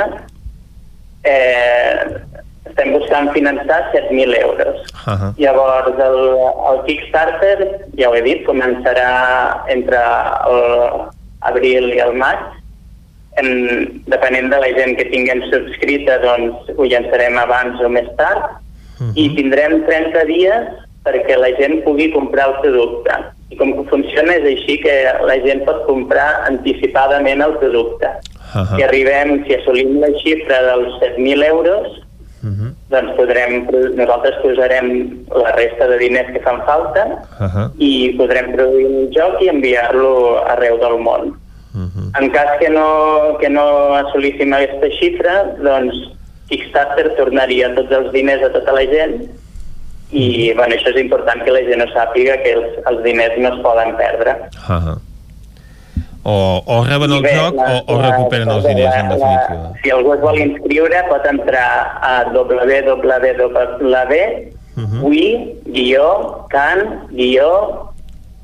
www.can-play.com Molt bé.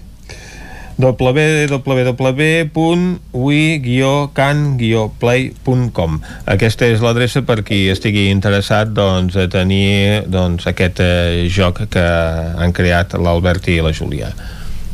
Òscar, em sembla que Em, volies, que volies sí. fer alguna pregunta també. Sí, per acabar volia fer, volia fer una pregunteta. Quina és la carta que més us, agrafa, us agrada? Quina li teniu més carinyo? Eh, quina és la vostra preferida? Jo en tinc una. Jo, per mi la primera del joc, que és la primera faraona que va haver-hi, Hatshepsut. I eh, em sembla molt interessant que aquesta dona es va fer passar per home davant del poble i durant tot el seu regnat va fer creure que era un home. I això és el 1508 eh, abans de Crist, que va, va néixer i bueno, em sembla, em sembla que, que diu molt no? de, com, de com, anar, com ha sigut el paper de la dona a la història que, que n'hi ha hagut moltes que potser ha firmat a l'home i en aquest cas s'ha fet passar per, per home Albert Pinilla i Júlia Johansson, hem de deixar-ho aquí. Moltes gràcies per presentar-nos aquest joc, el We Can Play. moltes gràcies Adeu-siau i fins una altra. Avui hem parlat doncs, d'aquest joc que han creat dos cardedeuencs i que té el feminisme doncs, com a eix essencial. Ara nosaltres fem una pausa i tornem tot seguit. El nou FM, la ràdio de casa, al 92.8. A Vic, T52. Solucions personalitzades. Dissenyem i produïm màscares personalitzades per a empreses, clubs o col·lectius a partir de 10 unitats. Disposem de dissenys propis per a particulars. Aconsegueix fins a un 30% de descompte. T52. Ens trobareu al centre, al carrer 941 i també a l'Horta Vermella, al carrer Menéndez Pelayo 31. Més informació a t52.cat.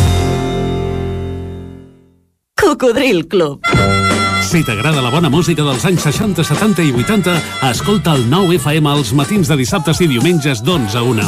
És el temps del Cocodril Club, tot un clàssic de la ràdio, amb les bases del pop-rock, les llegendes, les cançons que s'han convertit en autèntics himnes. Recorda, dissabtes i diumenges al matí, d'11 a 1, al 9 FM 92.8. Cocodril Club, el programa revival de l'Albert Malla. Hasta luego, cocodrilo. Cobertes serveis funeraris. Els nostres tanatoris estan ubicats en els nuclis urbans més poblats de la comarca d'Osona per oferir un millor servei. Tanatori de Vic, Tanatori de Manlleu, Tanatori de Centelles i Tanatori de Roda de Ter. Sabem que són moments difícils i per això el nostre compromís és atendre-us en tot moment amb un tracte humà, sensible i respectuós. Cobertes serveis funeraris. Telèfon 24 hores 93 883 23 46. Només pensar en passar aquesta nit sense calefacció amb aquest fred? No es preocupi, hem analitzat a fons la caldera i de seguida quedarà reparada i en funcionament. Quan tingui un problema amb la seva caldera, vagi directament a la solució. Truqui sempre al Servei Tècnic Oficial de Saunier Duval i despreocupis, perquè som fabricants i coneixem les nostres calderes peça a peça. Informis a Oficiat Nord trucant al 938860040. Saunier Duval, sempre al seu costat. La Fogonera, resistència gastronòmica. És un restaurant? És un rostidor? És La Fogonera, la cuina en directe des de GURB, on encarregues, ho vens a buscar i ara també t'ho portem a casa. La Fogonera, resistència gastronòmica. Ara amb la fogonera de dia, amb aperitius, arrossos, segons plats i postres. I quan cau la nit, ens transformem en un popurri culinari. Búrguers, pizza, pasta... Truca al 93 851 55 75 o entra a lafogonera.cat. La Fogonera, el teu aliat gastronòmic. La ràdio de casa al 92.8. El 9 FM.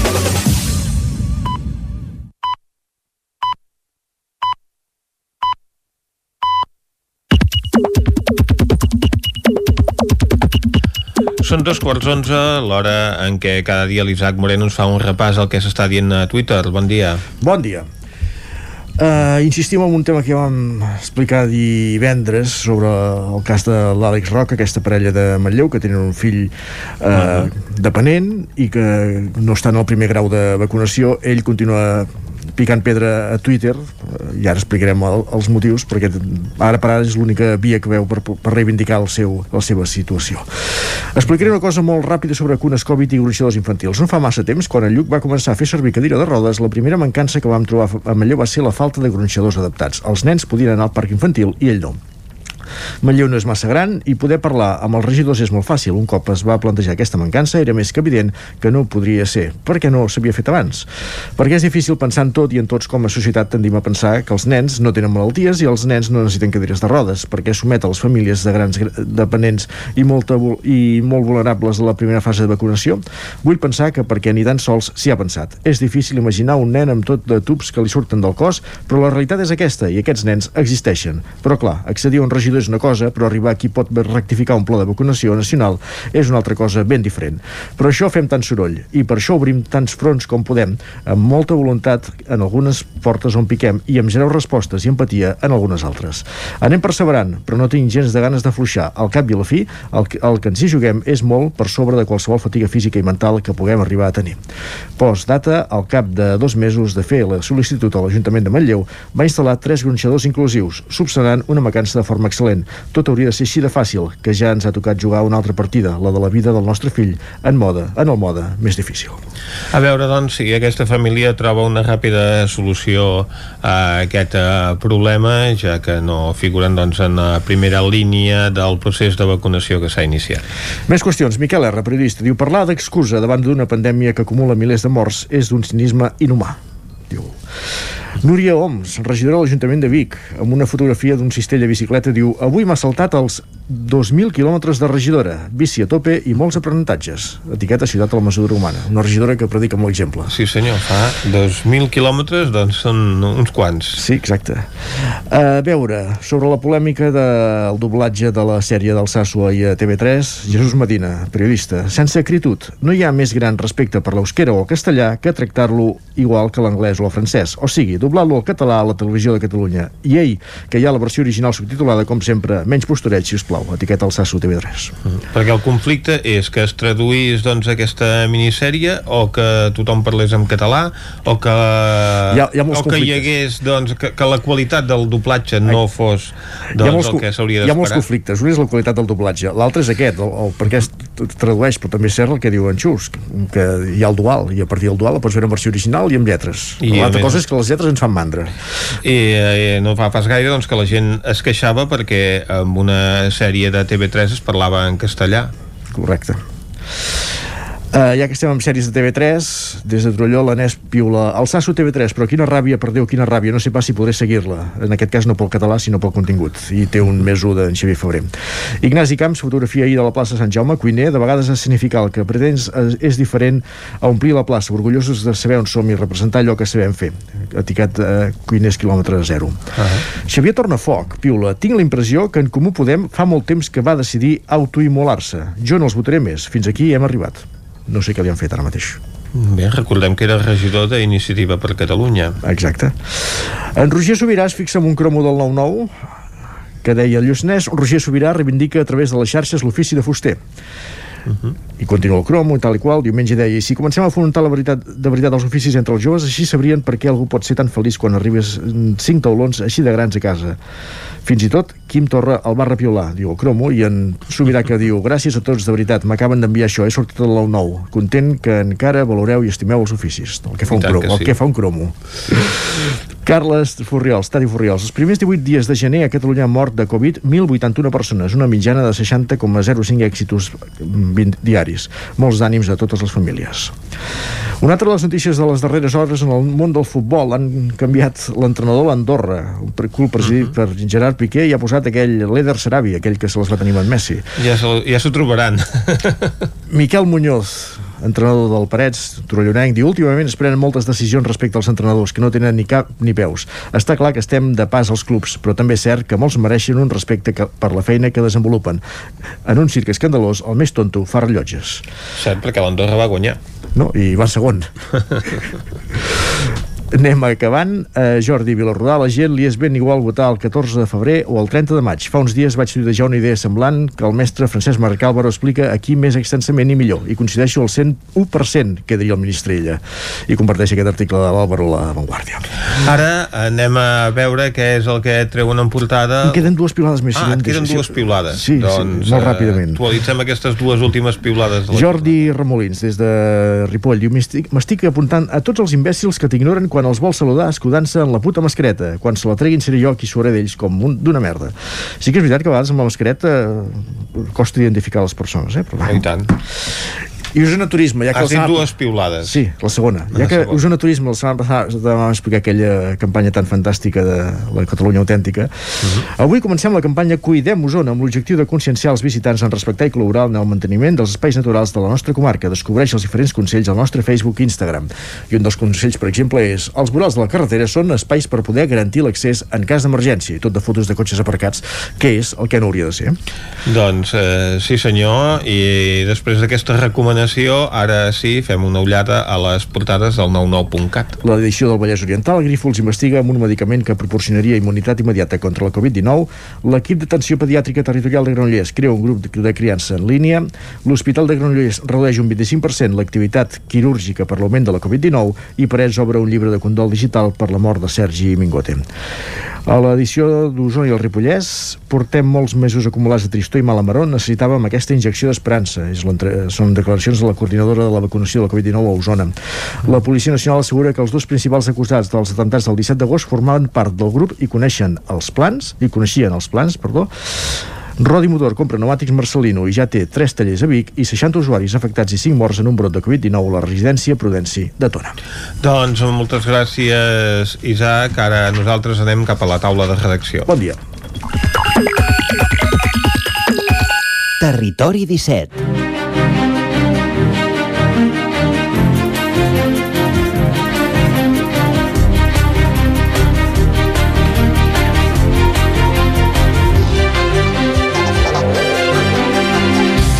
Avui a la taula de redacció comptarem amb en Guillem Rico i en Guillem Freixa.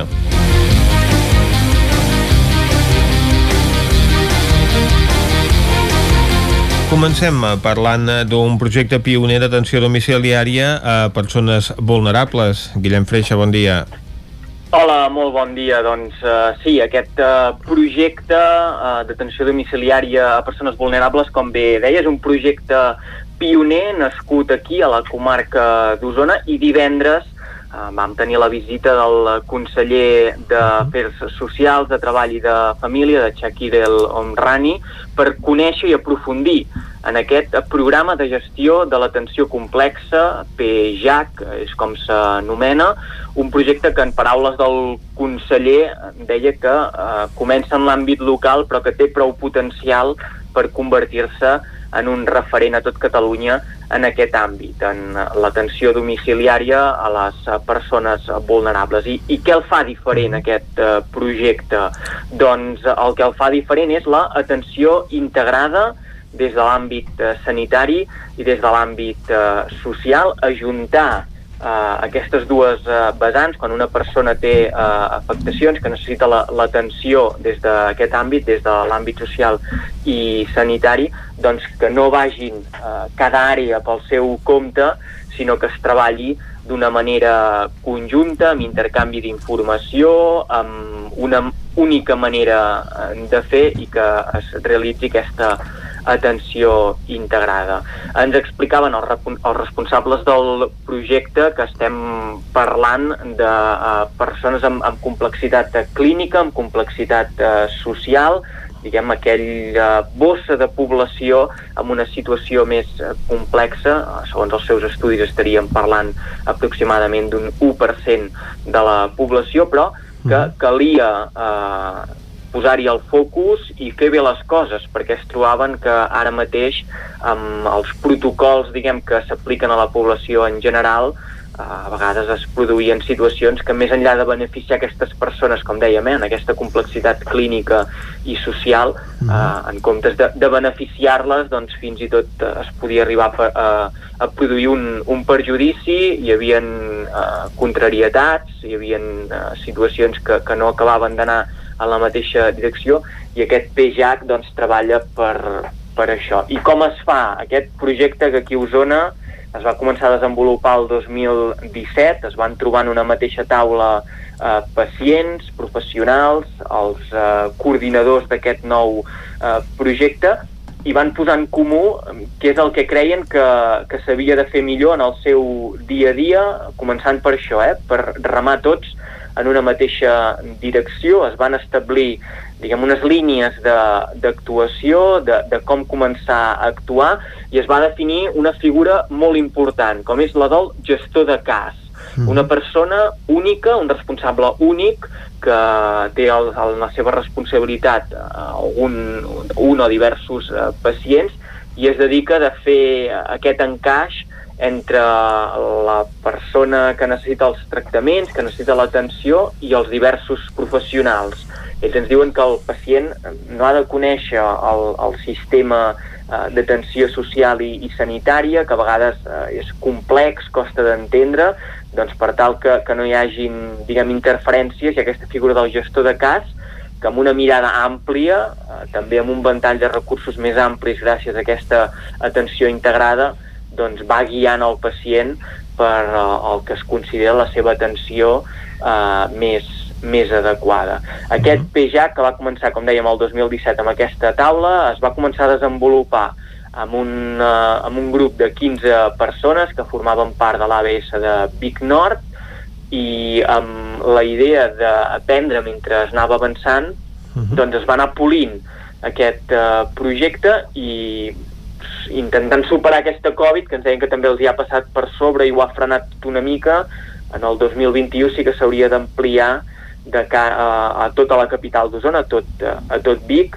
i l'horitzó marca que en el 2022 i el 2023 la taca d'oli eh, pugui arribar a tota la comarca d'Osona. Com dèiem, va venir el conseller i va posar eh, molt d'èmfasi en aquest fet, que és el, el PEJAC que s'està desenvolupant aquí a Osona és el desenvolupament pràctic d'un tema que se'n parla molt, es diu molt, es defensa molt aquesta idea d'integrar eh, les dues àrees de principals d'atenció a les persones vulnerables, com és l'àmbit social i el sanitari, que se'n parla molt, però que costa trobar eh, exemples concrets i pràctics i que aquest d'aquí Osona ho és i, per tant, uh -huh serà la, la referència en, en aquest àmbit. I estem en aquest punt, el de començar-ho a desenvolupar tota la ciutat de Vic i que d'aquí un temps pugui fer el pas a nivell català. Doncs moltes gràcies, eh, Guillem Freixa. No deixem de parlar de temes d'atenció perquè Sant Tomàs atendrà també als usuaris del Voltreganès des de Sant Hipòlit, Guillem Rico. Sí, bon dia. Doncs dijous van signar un acord entre l'Ajuntament i, i l'Associació Sant Tomàs pel qual eh, l'Ajuntament cedeix l'antiga llar de jubilats a, a l'entitat perquè puguin fer-hi activitats. Què farà això? Doncs que el, la gent del Voltreganès, de Sant Hipòlit però també de les Masies de Voltregà, eh, s'estalviaran també d'haver d'anar a Manlleu o, o, o a Calla Atenes, que és on van actualment per fer activitats això, pel centre ocupacional i també de, del Club Car. Eh, aquest acord es va signar dijous amb els membres de, de l'entitat i de, i de l'Ajuntament i per tant es podrà utilitzar aquesta planta baixa de, de local que té una aula d'informàtica, té un jardí, té unes pistes de petanca i llavors també doncs, permetrà que a, a més a més eh, aquestes persones puguin fer-hi activitats aquí i també puguin tenir relació amb entitats del poble també per, per uh -huh. crear xarxa i mantenir el vincle d'ells també amb, amb el mateix poble. L'alcalde, en Gerard Sancho eh, deia això, que a banda d'estalviar-se aquest desplaçament també també s'està estudiant que és un annex que van incloure amb el conveni, estan estudiant fer eh, un centre residencial per a 12 usuaris uh -huh. a la primera planta. Això es donen 18 mesos per, per fer aquest estudi, a veure si seria viable o no seria viable, per poder eh, què costaria i, i també veure quants usuaris eh, podria haver-hi a, a la zona per, per fer això. De fet, com explicaven des de Sant Tomàs, el director general Ricard Aceves i també Antoni Ramírez, que és el president, eh, això també va amb la línia que estan treballant els últims anys, que és de descentralització i d'apropar els serveis a, als mateixos usuaris. Recordem que també des de Sant Tomàs s'estava estudiant a eh, fer una residència d'aquest tipus a, eh, a Torelló, a l'Hotel de les Serrasses, es va descartar allà però s'està treballant en un altre espai, també s'està fent un projecte similar a Sant Pere, també per això, per, perquè tot i anar a viure en aquestes residències eh, les persones que necessitin que siguin usuàries diguem doncs uh -huh. puguin quedar-se al poble o tan a prop del poble com, com puguin eh, i això també doncs segueix eh, en aquesta línia d'apropar i també eh, d'integració recordant que per exemple en aquest municipi a Sant Hipòlit doncs també tenen un conveni amb la secció d'hoquei i hi ha un equip uh -huh. adaptat uh -huh. per tant també la idea és això no? aquests teixir aquests vincles amb, amb, amb el territori Uh, això és un punt de partida, de fet uh, buscaven un ús social amb aquest espai, ara ja l'han trobat i també recordaven des de l'Ajuntament la regidora de Benestar Social, la Marina Crous uh, que els, els que utilitzaven aquest espai el podran continuar utilitzant i que també va, va aprofitar per explicar que no sé si recordeu que amb el pla de barris es va reformar l'edifici del Mallol. Uh -huh i llavors s'està fent eh, s'està preparant un espai per fer una mica de bar mm, per, per tenir aquesta funció eh, per a la gent gran, no? perquè la gent gran es puguin trobar allà amb aquest servei de bar quan això sí, quan la, la pandèmia ho permeti. Uh -huh. I per tant, aquest nou, equip, nou espai que han cedit, aquesta antiga llar de jubilats, eh, encara no es trigarà encara unes setmanes a, a, a funcionar per Sant Tomàs perquè s'ha de fer algunes petites obres com, com fer una adaptació de, dels lavabos però un cop això estigui enllestit ells calculen que després de Setmana Santa si la pandèmia ho permet, evidentment, doncs es pugui reprendre l'activitat eh, ja en aquest espai i que per tant totes les persones de l'associació Sant Tomàs que siguin del Voltreganès doncs que puguin anar directament aquí i s'estalvin això que dèiem, d'haver d'anar a Manlleu o Call d'Atenes que és on, on han d'anar fins ara. Mm -hmm. Vaja. Molt bé. Moltes gràcies, Guillem. Deixem aquí la taula de redacció d'avui. Territori 17 Busca't la vida amb Cela Falgueres Doncs deixem la taula de redacció, avui amb dos Guillems, duet de, De duet de Guillems, Guillems. sí, senyor. I anem altra vegada cap a Cardedeu, on ens hi espera la Txela Falgueres. Molt bon dia, Txela. Hola. Molt bon dia. Avui us porto una activitat, no sabria com dir-ho, o un tipus d'espectacle d'experiència visual Ara pla. que mm, eh, quan ens desconfinem o quan puguem tornar a fer una vida social, jo crec que serà molta tendència. Us parlo del mapping. Heu estat mai en un espectacle de mapping? O si us dic mapping, us sona No, no, alguna hi, cosa? no hi hem estat mai. Em sona no, no, xinès no, no, a mi, eh? No... Perdut, perdut. Bueno, no us preocupeu. Uh, L'Albert Sitges, Mhm. que és el responsable d'Àrea Mapping, ens explica què és el mapping. Ja, ho faig una mica d'espoiler, eh? Va. El mapping són aquestes projeccions d'imatges amb música damunt d'edificis, damunt de qualsevol superfície que no sigui una pantalla de projecció. Si us sembla, ens ho explica el mateix Albert en aquesta entrevista. Molt bé. Explica'ns què és això del mapping, quina és aquesta tendència del mapping? Bueno, jo com a mapping sempre el defineixo com a... Bueno, és la tecnologia que ens permet projectar oblidant-nos de, de les formes típiques com el, el 4-3 o el 16-9, no? les formes panoràmiques, rectangulars o quadrades. Eh, per mi és simplement això, no? adaptar les imatges i continguts i, per tant, qualsevol tipus de contingut eh, que, que pugui ser gràfic, eh, fotografia o això, o cinema, vídeo, adaptar-ho a una superfície que, per tant, és diferent i que no té per què ser la, la que sempre hem estat acostumats fins ara perquè ara ja el mapping ja es comença a conèixer, ja hi ha molta gent que ha vist coses, no?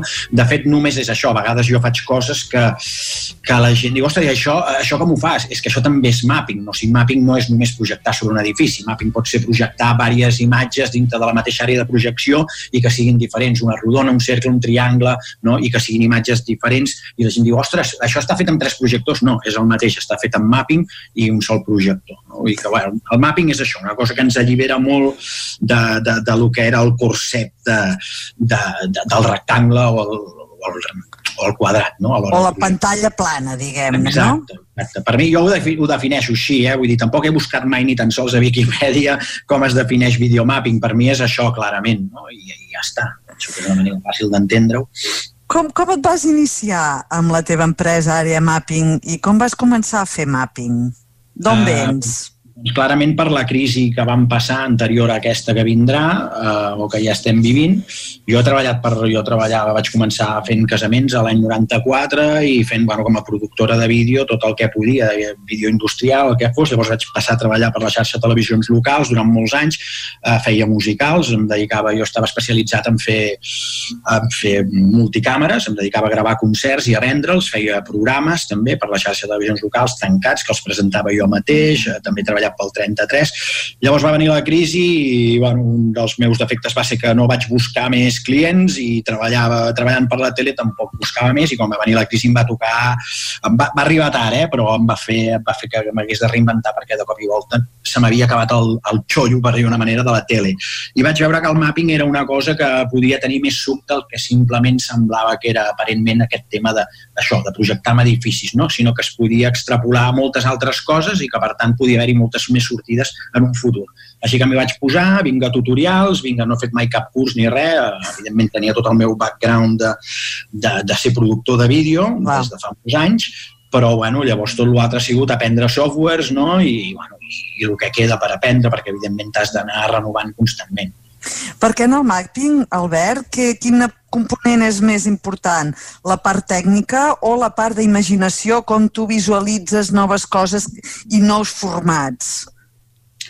La part tècnica no té, no té més. Eh, jo penso que mapping, eh, qualsevol persona, si es posa dos dies a, a estudiant tutorials, pot fer videomapping si té, els, si, si té el projector, el ioga o el que sigui, no? i un ordenador, qualsevol portàtil, avui dia suporta un programa de videomapping. Um, evidentment, la part més important és la part creativa. Tu de cop i volta tens una façana o tens un objecte i l'has de fer viure. O no sé, ten, pots tenir un moble, jo he fet mobles, el típic moble Ikea de, dels quadrats, la típica estanteria aquesta quadrada, um, i de cop i volta una cosa inanimada li crees vida. Aquí està la gràcia, no? Tècnicament el mapping no és excessivament complicat, vull dir, no cal ni tenir una carrera ni cap tipus de formació. En quatre tutorials un pot aprendre a fer mapping perfectament. Quins espectacles de mappings has fet que dius, uau, això eh, va ser espectacular? A veure, coses... Eh, és que, aviam, hi ha... No sé com explicar-ho, eh? Una cosa és l'espectacularitat de les dimensions. Per exemple, l'Hospital de Sant Pau he fet... Aquí érem un equip, eh? Treballant mapping, hi havia qui treballava el so, nosaltres fèiem continguts però no sé, també he fet al Palau Robert. Eh, clar, les dimensions compten molt. La gent a vegades també em diu, ostres, eh, m'envien mappings, no? I és una mica com, bueno, és com si jo li enviés a un tio que fa de paleta una, una foto de Sagrada Família. Al final, dones un pressupost i, i posa'm a 100.000 euros en projectors, en lloguer de projectors durant un dia i jo també et mapejo la Sagrada Família. Um, vull dir que l'espectacularitat mm, a vegades no és tant per la dimensió, sinó el content que tu estàs dels continguts que has fet i de com els has lligat no? Per exemple, mm. el Palau Roberto vaig fer um, bueno, per un tema de cultura i tal, i va quedar molt, molt ben lligat amb el que volia el client i n'estava molt content, i no era tan gran com el de, de l'Hospital de Sant Pau. Però és que ara, per exemple, estic en un projecte que, que treballo músiques de swing, de l'indie hop, diguem, perquè jo uh -huh. punxo l'indie hop i ballo l'indie hop, i estic en un projecte que, que, bueno, que per mi també, i que penso que serà bastant impressionant, i és molt simple, perquè al final treballo amb, amb tres, amb tres amb volums, diguem, i és una cosa que ha de ser portàtil perquè espero poder-ho treballar a l'estranger i, per tant, poder-ho carregar amb un avió, però penso que és espectacular, i tan espectacular, o ho serà per la gent que li agrada l'indie hop, ho serà tant com projectar eh, no sé, això en un, en un hospital de Sant Pau. No? Vull dir que al final el mapping ha de ser això, no? que, que, que et doni un resultat que és el que tu vols. No? I l'espectacularitat pot, pot mesurar 3 metres o pot mesurar 40. No? Al final tu has d'estar content amb el que has fet. Quina és la resposta del públic que ve als teus espectacles de mapping? Perquè com es presenta? És com si algú anés a veure una funció de teatre o un espectacle de cinema o en quin context es sol presentar? Cada mapping i cada client és un, és un ambient diferent. No? Jo faig molt mapping per casaments també, per tant el que fas és simplement montes, eh, igual estan fotent per dir alguna cosa l'aperitiu en un lloc i llavors venen i a la que veus que hi ha tothom, una, dos, tres, i engegues i dispares. No? La reacció de la gent sempre és bona, per sort mai m'he trobat al contrari, felicitacions que, que em feliciten, ja sigui per WhatsApp o truquen o t'envien correus, no? Tothom, eh? des de clients de casaments a institucions, no? Quina, quina tendència tu hi veus dintre el mapping? Passarem a, a veure coses més en 3D, coses més immersives, tot i que siguin unes projeccions, el mapping com a, com, com a imatge, com la imatge, eh, també es pot, o com qualsevol cosa, especialment en els programes de mapping hi ha una cosa i és que tu pots controlar també les llums, que és el llenguatge, el DMX que es diu, però també pots, pots fer que el, el, el programa es controli a través de, no sé, jo puc disparar des del meu mòbil, puc disparar coses de mapping i decidir quan les disparo. I, no sé, es poden, fer, es poden fer moltes coses. Aleshores, en aquest moment falta que una persona amb una punta del món, que clar, tu ara amb internet tens eh, ràpid accés, una persona amb una punta del món s'inventi alguna que ho pots lligar amb el programa i de cop i volta crees una, una experiència immersiva o participativa. Jo ara, per exemple, durant el Nadal he treballat molt fent una cosa bastant simple, que és passant la plantilla de l'edifici impresa amb Dinar 4 i els nens ho pinten. Llavors, quan ho pinten, eh, tot això, clar, quadra perfectament amb l'edifici. És una manera de fer mapping diferent. Jo no creo els continguts, simplement els adapto aquests dibuixos, però qui, qui fa els continguts són els nens, i un nen que ha fet una cosa amb un dinar 4 i que de, de cop i volta es projecta en un edifici que fa 20 metres d'amplada i que, i que, clar, al·lucina ell, els pares. Vull dir que no és el mapping ens pot anar sorprenent. El mapping no és una cosa, diguem, ostres, que és una cosa que anirà evolucionant, no? anirà canviant, serà això que tu dius, pot ser 3D, però pot ser 2D, simplement dibuixos de nens, o podrà ser que es faci una presa de decisions a través d'una app com pot ser Telegram, no? que és de codi obert i que millor 500 mm, persones diguin una cosa i 300 en diguin una altra i, i perquè aquestes 500 han dit això, pum, es projecta una cosa determinada. No? Vull dir que es poden fer coses participatives i, i, i cada cop es podran fer més coses, perquè la tecnologia té això, i aquests programes de mapping, per sort, mm, permeten interacció amb altres programes.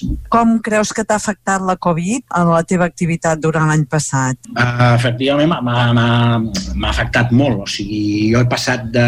O sigui, no he fet res. Per exemple, amb el, amb el camp dels, dels casaments, no, doncs no, no s'ha fet res, n'he fet un només i a nivell institucional, ajuntaments i tal, des del dia 8 de febrer no vaig facturar res fins al dia 30 de novembre. O sigui, ha estat totalment parat, però per sort tot el tema del Nadal ha anat molt bé amb tot això dels dibuixos i, i he treballat més fins i tot. O sigui que l'any ha sigut molt fotut per, per, en un aspecte, però després eh, s'ha girat la truita i el, el que ha sigut a Nadal he treballat molt més, perquè els ajuntaments no sabien què fer moltes vegades, s'han trobat que no podien fer cavalcades, tal, i aleshores han hagut de substituir-ho d'alguna manera, especialment pels nens. Llavors això que et deia dels dibuixos m'ha Mhm. funcionat molt bé però realment ha sigut un any que si no arriba a ser per això doncs, eh, hauria sigut molt dolent i ja veurem aquest 2021. Quin projecte estàs preparant ara? Eh, Jo, jo treballo com a empresa, evidentment, o sigui, jo professionalment doncs, a mi se'm contracta per fer mappings pel que sigui, llavors tinc els meus projectes propis, el meu projecte principal en aquest moment i el que estic dedicant hores i hores és això que et deia de, de disjockey, de l'indie hop, o sigui, jo això punxo, punxo música swing i ho acompanyo d'imatges i evidentment tot això porta molta feina perquè en realitat creo com tres videoclips per cada eh, cançó que poso i va totalment sincronitzat i aleshores això em porta molta feina i tinc molta il·lusió perquè és una que vull presentar als festivals i que probablement farà que, que, pugui, que pugui viatjar a diferents llocs del món on hi hagin festivals perquè és una història bastant... Bueno, no ho fa ningú, ni crec que ho vagi a fer ningú. Llavors aquest és el tema amb el que estic més il·lusionat i amb el que treballo molt ara. Evidentment la resta doncs, serà, a veure si torna a haver-hi eh, bueno, cert número de casaments, perquè és un dels gruixos importants que ja et dic que tinc, i després un altre cop doncs, això, institucions, ajuntaments i I empreses. esdeveniments que fan d'empreses, no? esdeveniments.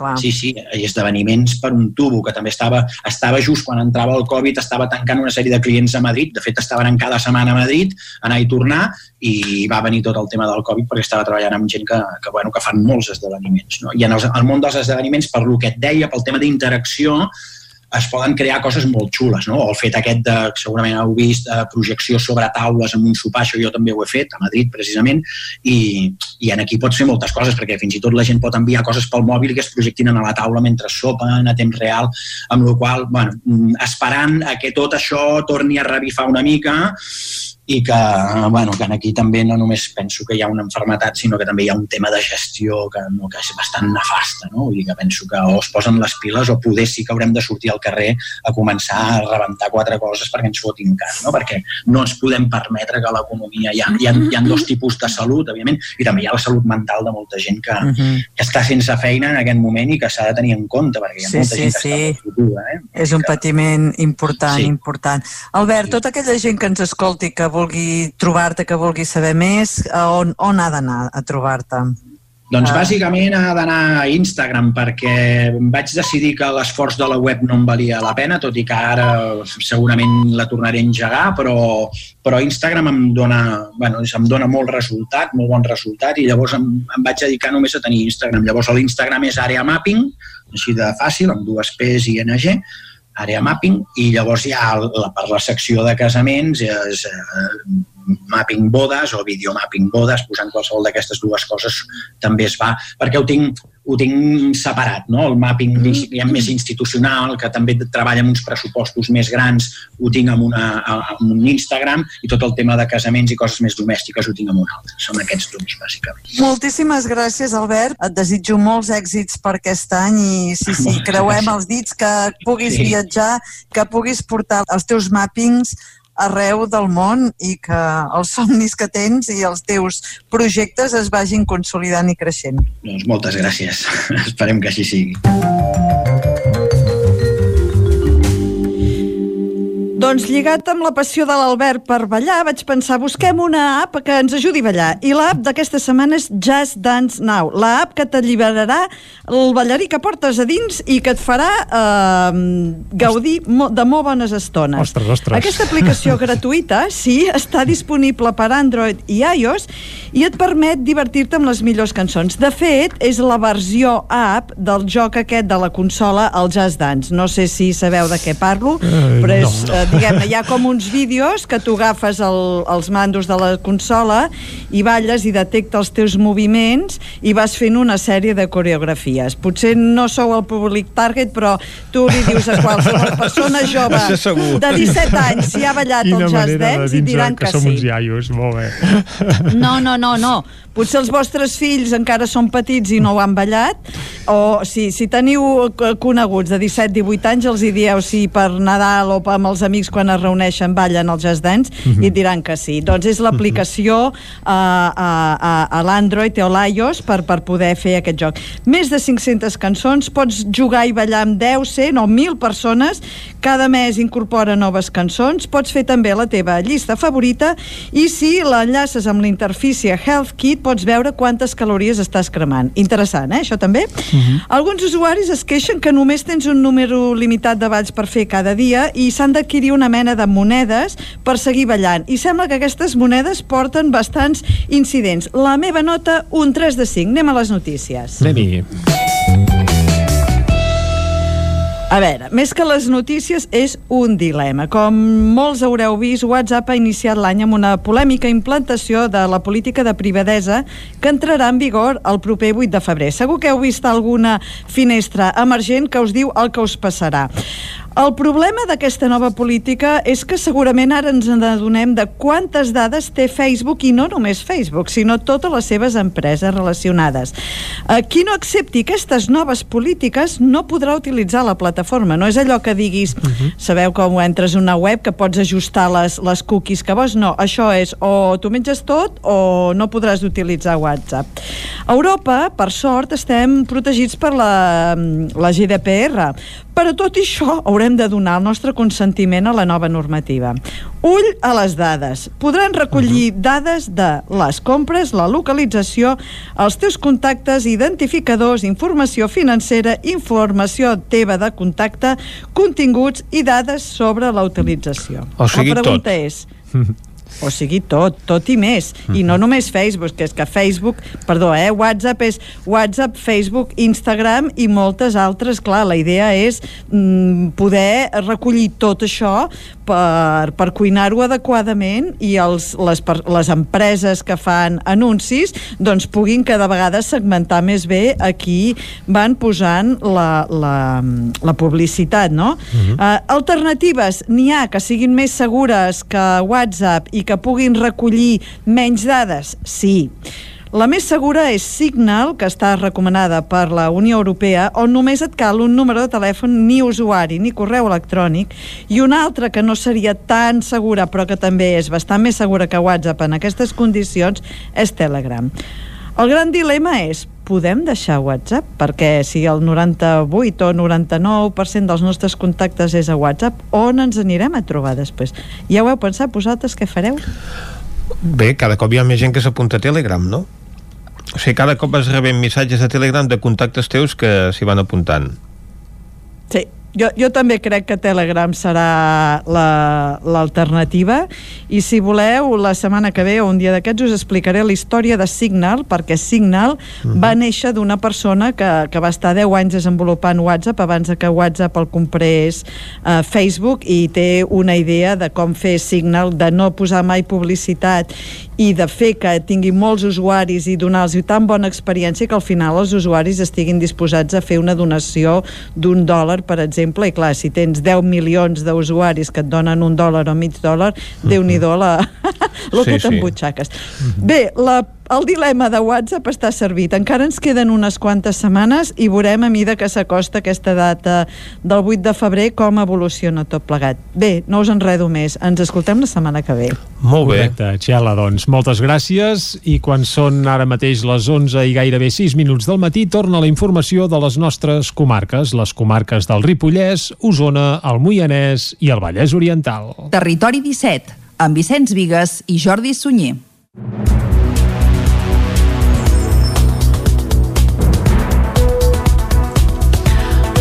El brot de coronavirus de la residència Prudència de Tona afecta 60 dels 82 usuaris, per tant un 70% i 21 treballadors. La majoria de casos són asimptomàtics o amb simptomatologia lleu, tot i que set residents han hagut de ser traslladats a l'hospital i s'han registrat cinc defuncions, totes de persones amb altres patologies prèvies. Tant l'administrador del centre com l'alcalde de Tona asseguren que s'han aplicat tots els protocols de salut pública en col·laboració amb el Centre d'Atenció Primària de Tona i que la situació està en fase de desescalada. Amadeu Lleopard és l'alcalde de Tona. estem parlant d'un brot que a poc a poc s'ha anat propagant i ha arribat a afectar unes 60 persones parlant només de, dels residents sembla que la situació eh, s'està desescalant Els primers dos positius a la residència Prudència es van detectar el 2 de gener. Tres dies després en van aparèixer 14 més. El dia 7 de gener, el mateix en què s'hi administrava la vacuna, es va fer un test PCR a tothom. Amadeu Lleopard. una part de les persones afectades doncs no tenia una simptomologia greu sí que algunes persones doncs han estat eh, han hagut de ser internades en hospital a l'Hospital General i malauradament doncs ens consten cinc defuncions. A Osona també s'ha detectat un brot de coronavirus a la Fundació Vila de Many de Taradell que afecta quatre residents i tres treballadors. Una de les usuàries ha hagut de ser hospitalitzada. Davant de l'increment de contagis dels últims dies, Salut ha reforçat les mesures de prevenció a les residències i a tots els visitants se'ls farà un test ràpid abans d'accedir-hi. Aquesta setmana a Catalunya es comença a administrar la segona dosi de la vacuna de la Covid-19 a les persones que ja han rebut la primera i que haurien d'estar protegits contra la malaltia al cap de 7 dies de la segona punxada. Diumenge se'n feia l'arrencada simbòlica en una residència de la Pobla de Segur. En el cas d'Osona està previst que la segona punxada a residents, personal de residències i personal sanitari s'inicia el 26 de gener. Divendres la primera dosi de la vacuna va arribar a la residència Aura i a l'Hospital Sant Jaume de Manlleu. Es van vacunar 114 usuaris i 64 professionals de la residència Aura, un 70% de la plantilla i 84 persones que treballen a l'hospital. Sentim per aquest ordre Jordina Muñoz, neuropsicòloga, Ramon Coromines, primer usuari vacunat a la residència, i Teresa Oliva, usuària del mateix centre. Avui ens comencem a vacunar i esperem que això sigui l'inici de la fi de tot aquest malson, tant per nosaltres com per tota la ciutadania. Després de 10, de 10 mesos tanc... aquí confinat és el que esperava. Amb candeletes l'esperava. De moment em sembla que poder pararem una mica la cosa, no sé, s'ha de veure, eh? No tenim... Confiança li tinc tota. Dijous de la setmana passada també es van vacunar professionals de l'Hospital de la Santa Creu de Vic, més de 130 persones entre personal de l'hospital, del Servei de Manteniment, Neteja i Cuina i de Rehabilitació i PADES. Els Mossos d'Esquadra van instruir més de 30 denúncies a Sant Pere de Torelló dissabte a la tarda, després de rebre un avís informant que hi havia cotxes amb música a la Font Santa. Van instruir les denúncies a un grup de joves que estaven reunits amb cotxes i música a la zona de la Font Santa. Els agents van instruir més de 30 denúncies després de rebre un avís. Tot i que des del cos no poden precisar la quantitat de gent reunida, es van fer 13 denúncies per no portar mascareta, 12 per superar el límit de 6 persones que marquen les restriccions i 10 més per trencaments del confinament municipal. Protecció Civil recorda que entre les mesures vigents, de moment fins aquest diumenge, a banda del confinament municipal, també hi ha les limitacions que afecten l'activitat comercial, la restauració, l'esport i la cultura i el toc de queda nocturn. La Policia Nacional assegura que Mohamed Houli i Idris Oukabir eren coneixedors dels plans per atemptar i que van participar-hi. Isaac Muntades des de la veu de Sant Joan. Aquest dimarts es va reprendre a l'Audiència Nacional de Madrid el judici contra els tres acusats de participar en els atemptats del 17 d'agost de l'any 2017 a Barcelona i Cambrils. A mesura que avança el judici, cada cop queda més acreditat que Mohamed Juli i Idris Ukabir formaven part de la cèl·lula jihadista de Ripoll i coneixien els plans terroristes per atemptar. Un inspector en cap de la Policia Nacional va relatar-ho. Hombre, aquí sacamos de que esto es un grupo que está organizado, que tiene una estructura en la que cada uno como hace, lleva a cabo sus propias labores y tareas y en este sentido está claro que a nuestro parecer con todos los indicios que hayamos recabado, tanto Drifo Kabir como Mohamed Jublich Chelal estaban implicados en los hechos. Y en eso es lo que, vamos, eh, siempre por los hechos que habíamos investigado, vamos, vimos que, que nos basábamos en, en ese tipo de, de información. En el cas d'Ukabir, el policia va explicar que havia tingut un paper clau en la logística del grup pel que fa al lloguer de vehicles, com és el cas de la furgoneta que van fer servir a les Rambles i la recerca d'objectius, armes, diners i telèfons. El policia també va advertir que en un portàtil que tenia van trobar-hi una gran quantitat de cerques d'imatges de ganivets i de ferreteries on podien comprar-los. També va buscar informació dues vegades sobre la Casa Reial entre els mesos de maig i de juny del 2017 i sobre qüestions penitenciàries. A més, també va comprovar que els dies abans de l'atemptat Ukabir s'hauria retractat i no volia participar en els atacs. L'advocat d'Adris Ukabir i la resta de defenses també van demanar que es cridés a declarar l'exinspector de la Policia Nacional, José Manuel Villarejo, perquè expliqués què sap respecte als atemptats del 17 d'agost, ja que Villarejo va deixar entreveure en el judici que se l'acusa de calúmnies a l'exdirector del Centre Nacional d'Intel·ligència, Fèlix San Roldán, que tenia informació dels atemptats. Ell va dir que el CNI tenia una font que s'havia tornat poc fiable després d'haver treballat pels serveis secrets marroquins. La resposta del jutge Fèlix Alonso Guevara va ser negativa. No al lugar, evidente. Sería una regulación extraordinaria no es el 729, sino la suspensión para una investigación adicional. Y no se ha producido aquí ninguna revelación. Lo que diga ese señor o cualquier otro señor por ahí no afecta al juicio. Tendría que ser una revelación extraordinaria que se produjera en juicio para hacer una nueva prueba, una investigación suplementaria. Por tanto, no. Y no, no, hay, no lugar, no al par. Punto. Guevara també va renyar Ukabir perquè no parava de parlar i va recordar-li que podria exposar la seva versió en el torn de la darrera paraula i que s'havia de reservar per llavors. L'acusat va contestar-li que llavors no se'n recordaria de tot el que volia dir. La Biblioteca de Vigues i Riells canvia el mètode d'accés a l'edifici. A partir d'aquesta setmana s'haurà d'accedir a l'espai amb cita prèvia i amb l'objectiu de triar material de préstec. Caral Campàs, des d'Ona Codinenca. L'Ajuntament de Vigues i Riells ha decidit prendre noves mesures per aturar la propagació de la Covid-19. A partir d'aquesta setmana i durant els pròxims 15 dies aproximadament només es podrà accedir a la biblioteca municipal per fer ús del servei de préstec i amb cita prèvia per triar el material. L'horari d'atenció al públic es mantindrà de dilluns a divendres de 3 a 8 del vespre, però només per endur-se o retornar documents. Els usuaris podran accedir lliurement als prestatges per escollir el material que es volen endur a casa, però prèviament hauran de concretar hora per evitar la concentració de persones a les instal·lacions. De la mateixa manera podran rebre assessorament bibliogràfic demanant cita prèvia. Les cites es poden concretar per telèfon o a través del correu electrònic o bé seguint el formulari de la Diputació de Barcelona. A l'hora de retornar el material de préstec caldrà fer-ho a través de la bústia de retorn. Aquest cap de setmana va arribar al Teatre Auditori de Cardedeu l'obra Reines de Shakespeare de la mà del director Pitus Fernández. David Oladell, de Ràdio Televisió Cardedeu. Dalt de l'escenari van poder veure quatre personatges femenins de diferents obres del dramaturg anglès. Caral Albinyana, actriu. Doncs és una obra molt distreta, um, amb moltes històries, perquè com que som quatre reines i cada una havia explicat la seva pròpia història, és com de sobte conèixer quatre obres de Shakespeare en una. Uh, té aquest punt sorprenent també de, del fet en si, no? de que es trobin aquestes quatre reines en un lloc incert i no saben per què. Quatre dones s'escapen de les seves respectives obres de Shakespeare i no saben per què. Les protagonistes tenen una personalitat molt definida i juntes no desaprofiten l'ocasió. Reviuen i comparteixen les passions que sacsegen les seves vides. Pitos Fernández, director de l'obra. L'espectador pot llegir, perquè és tan complex el text que ho pot llegir, però amb aquesta facilitat dinàmica, amb aquests laberins tan clars i tan nets, ell fa una estructura global que és comprensible per tothom, dins el, el liu que és eh, aquest encontre amb quatre senyores que cada una té un caràcter realment oposat clar, i el joc ha estat trobar aquest, aquesta part de tragèdia tendresa, alegria rialles, plors eh, sang, tot plegat tot aquest còctel que té Shakespeare que és inacabable no? Els espectadors van poder gaudir d'una inesperada i perillosa posada en escena amb unes conseqüències impredictibles i inesperades. Doncs fins aquí el butlletí informatiu de les 11 del matí que us hem ofert amb les veus de Vicenç Vigues, Natàlia Peix, David Auladell, Caral Campàs i Isaac Muntades. Ara fem una molt breu pausa i de seguida saludem el Joan Carles Arredondo, que ja ho sabeu, cada dimarts ens acompanya aquí a Territori 17 per parlar-nos d'economia. El saludem de seguida. Territori 17. Envia'ns les teves notes de veu per WhatsApp al 646 079 023. 646 079 023. WhatsApp Territori 17.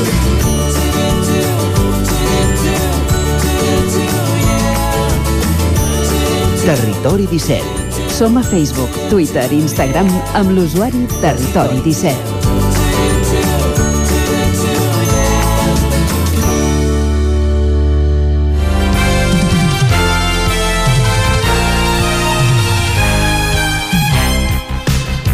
Passa un minut d'un quart de dotze, és hora com cada dimarts de fer un repàs a l'actualitat econòmica i que en Joan Carles Arredondo doncs, ens expliqui alguns aspectes d'aquesta temàtica. Avui crec que centrat sobre la taxa Tobin, no Joan Carles? Sí, la mal anomenada taxa Tobin. Mal anomenada taxa Tobin. Sí, bueno, és- això s'ha anomenat taxa Tobin a, a una mesura que ha entrat en vigor, una, de fet un impost que ha entrat en vigor justament aquest dissabte i amb aplicació aquest dilluns, eh, que és que en diuen impost eh, sobre les mm, operacions financeres. Uh -huh.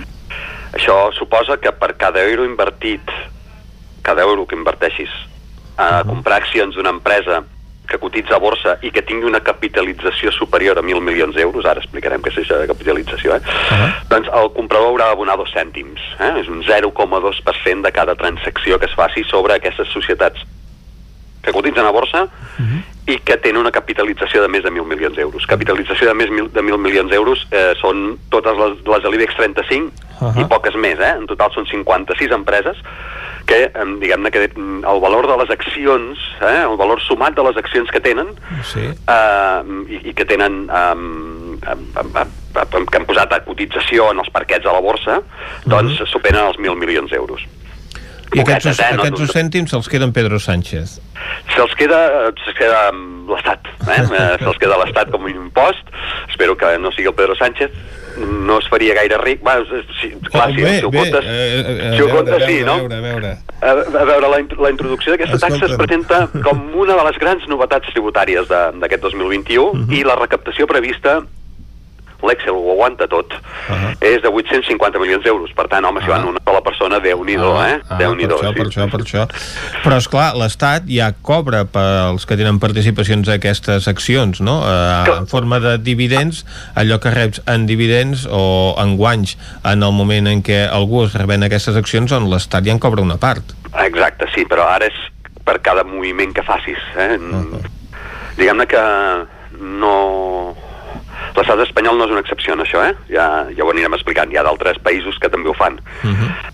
Um, per, per, si, si, si ho diem de manera fidel, tot això de ser taxa Tobin, després explicarem per què és mal anomenada, eh? que jo he entrat aquí dient mal anomenada i, sí, sí. i ja, ara, ara explicarem per què, per, què, per què considerem que és mal anomenada.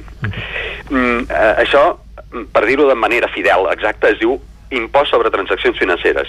I malgrat que es pugui entendre que només és una qüestió que afecta els brokers de borsa, eh, té un efecte més generalitzat si es té present que són molts els estalviadors que a més de mm, eh, fer participacions directes eh, amb, amb, amb actuacions a, bo- amb, amb, amb, amb accions de borsa, també tenen subscrits fons, com fons d'inversió, com mm, fins i tot fons de pensions, eh, que sabent-ho sense saber-ho també inverteixen en borsa i per tant aquí també hi haurà hi haurà una mica de, eh, de, de pagament d'impost no? Eh, la introducció de nous impostos sempre posa els pèls a punta als sospitosos habituals, eh? aquells que encara tenen la mirada posada sobre el tovalló en què Thorlather, eh? aquell economista, va dibuixar una corba per demostrar que reduir la pressió fiscal posa en marxa ressorts de l'economia que produeixen el miracle que amb menys impostos es recapta més. La teoria aquesta no sempre s'ha vist traduïda en realitat, però fa 50 anys que alguns ho han convertit en dogma i, i així estem. Eh? Amb, amb, amb moltíssims partits, fins i tot a Europa, això és un... L'Afer era americà, però també ha, ha arrelat a Europa aquesta idea de si, si baixes els impostos recaptes més, mm, això, diguem-ne que La teoria és mm, teoria, però a la pràctica s'ha vist poc, eh? Uh -huh. Però bé, aquesta vegada no és una excepció. Els profetes de l'Apocalipsi, de l'Apocalipsi liberal, en podríem dir, han corregut a denunciar l'estocada que suposa per l'estalviador mitjà. En realitat, l'estalviador mitjà té prou feina a mantenir els estalvis i en la majoria dels casos eh, faria inversions que li permetessin, permetessin obtenir uns, in, uns interessos que empatessin o superessin per poc l'IPC. Eh? Això ho diu un estudi de Bankirter sobre quines són les intencions que tenen els, els estalviadors, eh? Vull dir que aquí estem preocupant-nos tantíssim per l'estalviador i l'estalviador i, bueno, si, si empato amb l'IPC ja, ja, ja, ja, ja em dono per satisfet, eh? eh? El mateix estudi indica que les famílies que són propietàries del de, 16% del valor global de la borsa. El 84% són, per tant, societats amb, prou, amb prou capacitat per disposar d'altaveus que desviïn l'atenció cap a l'efecte que tindrà sobre els petits estalviadors eh, eh, això, eh, diguem-ne, ells, ells han muntat el discurs i diu, ah, esteu atacant els petits estalviadors, però en realitat estan defensant el seu, el seu punt de vista. Eh, això, és, eh, això és més opinió que informació, eh, però no costa gaire de deduir-ho. Eh? Uh -huh. Vist que hi ha tanta preocupació per l'espant que provocarà a un inversor que per cada 100 euros que inverteixi se n'hi deixi 20, també és interessant veure quina comissió els cobren els intermediaris per fer cada operació. Uh -huh. I, que és doncs, és entre, doncs és, és entre un 0,2 i un 0,6%. Uh -huh. um, vet aquí, o sigui, és a dir, aquests, aquests grups d'interès estan posant, uh, estan dient que és un perill per als inversors allò que després els els cobren igual o més, eh? Vull dir, de, que, que, que déu-n'hi-do. Uh -huh. Assenyalades algunes falsedats, sí que es poden assenyalar algunes febleses, febleses que la proposta del govern espanyol, que no s'ha inventat, eh? no, no, no, és, no, no és un impost bolivarista, eh? la taxa s'està aplicant a França, a Irlanda, a la libèrrima Gran Bretanya, uh -huh. no, no, és, no, no, no, és una qüestió, no és una cosa bolivariana, eh, com s'està dient. Uh, L'impost, això, eh, el que explicàvem, s'aplica sobre empreses amb capitalització elevada, 56 en total, i és fàcil caure en la temptació de desviar in, in, les inversions, eh? és fàcil que aquests inversors diguin, doncs si no em puc invertir en aquestes 56 empreses, ho puc fer amb d'altres, i també d'altres països. Per tant, sí que és cert que si, si, si acaba passant això, uh, la competitivitat d'aquestes companyies uh, es, es pot veure una mica alterada. No? Però sobretot el que passa és que l'impost grava unes operacions que, contràriament al sentit que se li vol donar la taxa, no s'aplica a les que estan a les que són més especulatives als mercats. Eh? Per exemple, hi ha una manera d'operar de compro, compro avui per vendre avui en funció de com puja i baixa, això és especulació, doncs re resulta que les operacions, això que en diuen operacions intradia, aquestes no estan afectades per això. Uh -huh. Per tant, eh, diguem-ne que aquests moviments que fan brokers que operen, amb, amb, això es diu operar a curt, eh, doncs, mm, en canvi, els inversors sobre els quals s'aplica acostumen a tenir una vocació més perdurable, no? Quan un petit inversor vol invertir en borsa, el que espera és que són resultats a llarg termini. De fet, és, és el que es recomana quan inverteixes en borsa, eh, que tinguis una mica de paciència. Uh -huh. Doncs el disseny de la nova taxa té poc a veure doncs, amb aquest govern, amb aquest, amb aquest objectiu que el govern diu perseguir. Per tant, els especuladors no paguen, en definitiva és això. Ah, exacte, i precisament això és el que inspirava l'economista James Tobin quan va formular la proposta de gravar les operacions a curt termini uh -huh. i en divises. Diguem-ne que el Tobin, el Tobin va acabar, va morir fa, fa va morir el 2001, el, crec que era el 2001, um, renegant de la seva idea perquè es va interpretar malament i, i ara gairebé 20 anys després de la seva mort es continua anomenant mm, la taxa amb el seu nom quan en realitat s'aplica de manera completament inversa com la va formular. Ell tenia la intenció que la taxa gravés operacions especulatives en divises a tot el món. I en canvi el que es planteja l'Estat és aplicar una taxa a operacions no necessàriament especulatives i sobre empreses del país. Per això fa de mal anomenar Tobin a la taxa que s'ha començat a aplicar aquesta setmana. Clar no, no és taxa Tobin, tothom en dirà taxa Tobin perquè, perquè diguem-ne que l'actualitat és així, eh? com el futbol. Eh? O, o perquè així. la gent no entén les coses. també, també podria ser. Que també podria ser. Perquè evidentment aquestes eh, operacions financeres altament especulatives que volia frenar doncs tenien un impacte a més a més sobre l'economia i sobre la moneda dels propis països. Ah, Ara exacte, Estem parlant eh? d'una altra cosa molt diferent. I era gairebé un mecanisme de protecció per monedes contra, contra moviments especulatius. Eh, temps enrere eh, havia passat, quan, quan, quan aquí hi havia passeta, hi havia, hi havia hagut vegades que li fotien unes sacsejades tremendes per això, per, per aquesta mena d'operacions. No? De manera que aquest era l'objectiu del Tobin, i aquí se, se l'ha posat a la boca, diguem-ne que de, malinterpretant. Eh? Sigui o no una bona idea aplicar un impost a les, a les transaccions financeres, el que fa dubtar principalment no és tant que es gravin fiscalment aquestes operacions, sinó que el disseny pel qual s'ha optat apunti en direccions que generen més dubtes que certeses. Les experiències internacionals apunten que les previsions d'ingressos del govern estaran lluny de complir-se. Això ha passat, eh? Tots els governs que havien introduït aquesta taxa preveien uns ingressos que després han sigut molt més baixos, per tant, aquests 860 milions d'euros, 850, perdó, uh -huh. millor que no, millor no comptar, eh? Que, amb, amb, amb, aquests, amb aquests calés, en tot cas, amb, amb, amb bastants menys, eh? Amb, mm. Alguns estan apuntant que més o menys cap a la meitat. I més enllà, en països on s'aplicaven aquestes taxes, això va passar a Suècia, s'ha acabat fent marxa enrere, perquè l'efecte havia acabat sent contradictori. Eh? O sigui, Suècia tenia aquesta taxa i la va retirar. El problema no és tant el punt de partida, perquè els impostos no han de fer tanta por, eh? però sí que el que el problema està més en l'execució eh? més que revisites el que necessita la, la, la taxa Tobin és una lectura més literal eh? per, per, per, per acabar produint els efectes que, que ell perseguia. Uh -huh. doncs a veure si, si som capaços de, de fer lectures més literals. A veure si ens aprenem bé la norma efectivament i s'aplica el que convé per evitar l'especulació i no doncs el petit estalviador. Moltes gràcies Joan Carles. Gràcies a vosaltres, bon dia. Nosaltres acabem aquí aquest espai d'economia de cada dimarts. Fem una petita pausa i tornem d'aquí un moment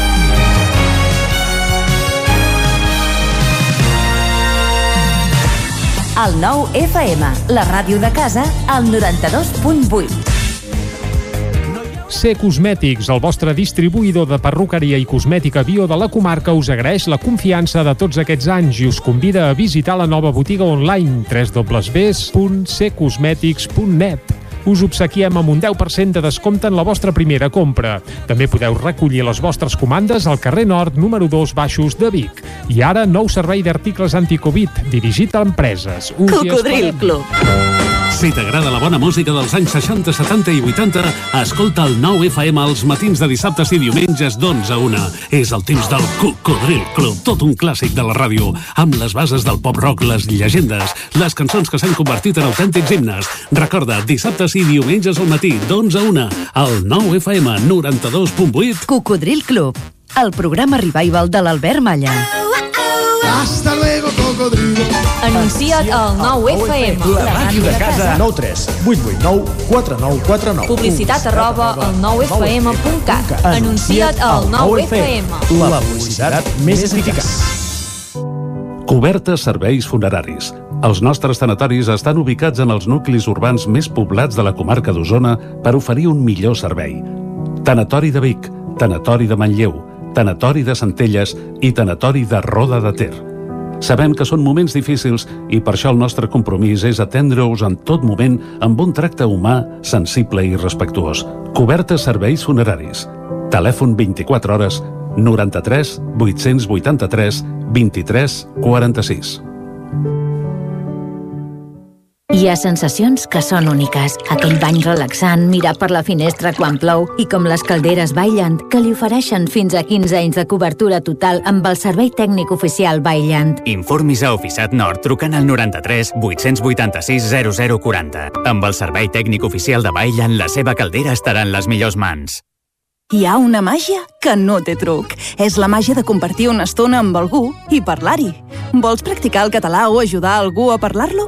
Apunta't al Voluntariat per la Llengua, al programa de les parelles lingüístiques a vxl.cat. Perquè quan parles, fas màgia. Generalitat de Catalunya. 100 milions i mig de futurs. Can Xalant, moda i complements. Més que rebaixes, nova secció, tota 10 euros. Moda home-dona, nen-nena, sabates, bosses de mà, maletes, complements i molt més. Sí, ho has sentit bé, tot a 10 euros. Vine a Can Xalant, ens trobaràs al carrer Sant Tomàs 4 de Call d'Atenes. També a Instagram i Facebook.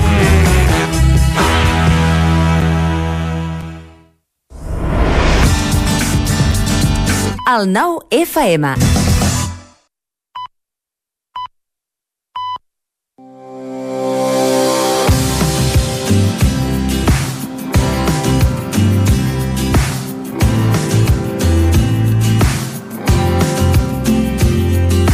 Avui toca que ens desplacem fins a Sant Pau de Segúries, al Ripollès. Està situat en un terreny muntanyós accidentat pels vessants septentrionals de la Serra de Capsacosta i el Puig de Miralles, contraforts meridionals de la Serra Cavallera, a la vall del Ter, al límit amb la Garrotxa. Té una població de 700 habitants. Des de la primera meitat del segle X aquesta contrada va estar sota la jurisdicció del monestir de Sant Joan de les Abadeses. L'any 1127, l'abat Berenguer Arnau va obtenir del comte Ramon Berenguer IV permís per establir un mercat setmanal a la població. Sembla que aquest poble va patir els efectes dels terratrèmols esdevinguts el 1152 i que l'abat Pere Soler en va ordenar la reconstrucció. L'activitat econòmica predominant era l'agricultura, amb el conreu de cereals, patates, blat de moro i ferratges, i la ramaderia amb explotacions de bestiar boví i oví. També hi havia molins fariners al costat de cursos fluvials.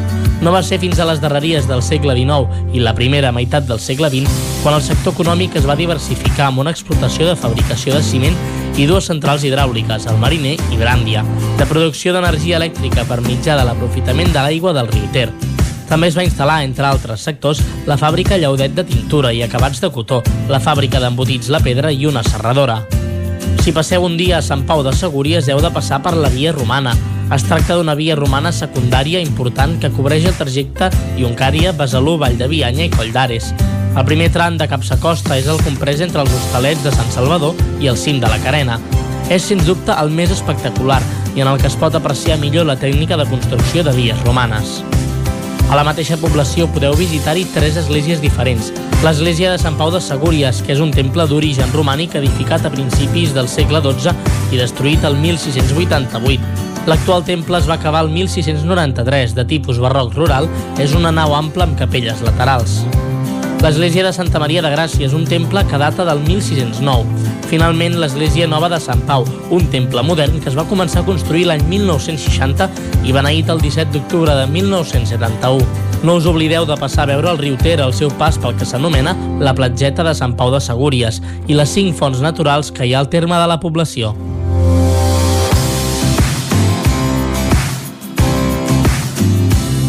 Territori 17 doncs Sant Pau de Segúries, que avui en parlàvem perquè és un dels indrets on fa més fred també del Ripollès. Sovint tenen temperatures uh, gèlides. No sabem si ja hi ha sortit el sol, esperem que sí. On segur que ha sortit el sol és a la R3. Anem-hi, a Trenc d'Alba.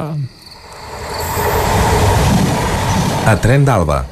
Cada dia els usuaris de la línia R3 de Rodalies que veuen sortir el sol des d'un vagó ens expliquen les gràcies i les penes del primer comboi que uneix Ripoll i Barcelona. Benvinguts a Tren d'Alba. Avui seguim parlant de les interminables obres al túnel de Toses i és que només cal passejar-se per la zona per veure que els treballs han requerit aixecar la via de l'interior del túnel, tallar-la en petits trams de 18 metres i apilar-la en zones de fora del túnel. Unes obres que van ser adjudicades a les empreses Amberg Infraestructures S.A. i Nordtúnel S.A. per 580.000 i 8.900.000 euros respectivament. Com sabeu, la data prevista de la reobertura de la circulació de trens havia de ser el 7 de febrer d'enguany, però per culpa de les esllavissades ocorregudes durant l'estiu, tot va quedar en paper mullat i fins al maig no s'hauran acabat les obres sempre que no passi una altra desgràcia. Cal destacar que la part del túnel més propera a la boca nord presenta dificultats especials pel fet de quedar superficial i això fa que s'hi detectin problemes puntuals perquè el formigó es desgasta més fàcilment amb les filtracions i l'acció del procés de glaç-desglaç. M'hi jugo un pèsol que les nevades que hi va haver fa uns dies hauran endarrerit més les obres i fins a l'estiu no hi podrà passar el tren. Va, ens retrobem demà per explicar-vos més històries de l'R3. Territori 17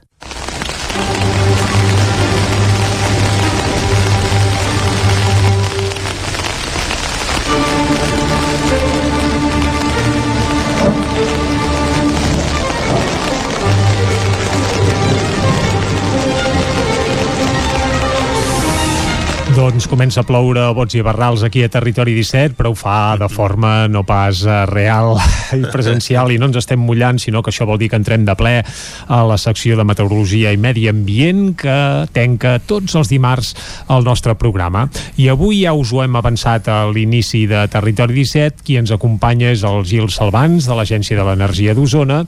I amb ell volem parlar sobretot d'aquests grans parcs solars dels quals s'ha parlat i molt darrerament en aquest cas a la comarca d'Osona. Tot plegat va espetegar a finals de l'any passat quan es va conèixer un megaprojecte per fer un parc gegantí que ocupava termes municipals de Manlleu, Torelló i l'Esquirol. Allà s'hi volia projectar un superparc que, bé, que sembla que finalment no serà una realitat, perquè la Generalitat ho hauria tombat, però volem conèixer com funcionen aquests parcs eh, gegantins solars, hem d'estar-hi a favor, hem d'estar-hi en contra, com s'ha de gestionar tot plegat i qui ens ho aclarirà tot és el Gil Salvans de l'Agència de l'Energia d'Osona, qui ja saludem ara mateix. Gil, molt bon dia. Bon dia, Jordi. Uh, I bon any.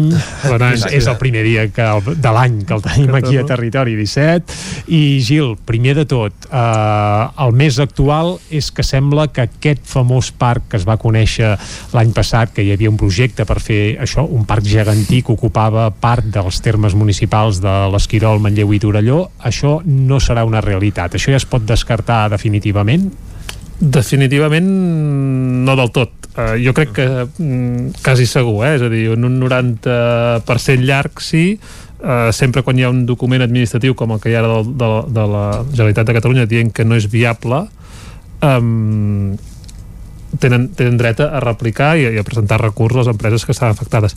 De totes maneres, els arguments d'aquests dos parcs perquè al final era un parc però ells ho havien presentat com a dos parcs també per una estratègia una estratègia administrativa i econòmica de que per sota 50 megawatts eh, pots tramitar-ho via, via comunitat autònoma, si et passes a 50 megawatts has d'anar a un procés molt més llarg a, a través de, del Ministeri i així. I per tant ells dividien aquest parc en dos, de 49,9 cada un.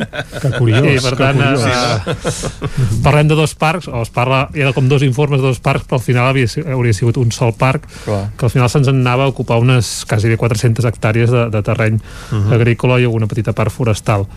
Um, jo crec que no es tiraran endavant perquè els arguments són molt clars. Uh, els, sobretot no es, no es tiraran endavant en aquesta forma de parc perquè l'argument principal um, el posurbanisme i és que es trenca la, la, el valor uh, agroforestal de l'entorn i que per tant una cosa tan gran no té cap sentit en un, en un espai eh, petit, diguéssim, perquè quedaven ubicats entre, com has dit, entre Manlleu, Torelló i l'Esquirol, una zona on hi ha carreteres, on hi ha, on hi ha el tren... Termes que per qui no estigui situat eh, estan a tocar, per tant tot plegat sí, sí, sí. quedava uh -huh. junt, perquè ens entenguem, eh, que Sí, ningú sí. es pensi que era disseminat tot. Uh -huh. quedava tot i, i, i per tant aquest impacte, és a dir, si haguessin dit no, no ho deixem perquè passes per un rierol o un trosset petit és zona protegida i per tant podrien reduir aquesta petita part i tirar endavant però l'argument de que això tan gran no té cap sentit en un espai tan, que no hi ha que no és tan gran tampoc eh, eh, no, el podran, no el podran plantejar si no és que replantegen aquest parc i l'acaben fent de 4 megas Uh -huh. i quan els hi presentaràs amb aquestes grans multinacionals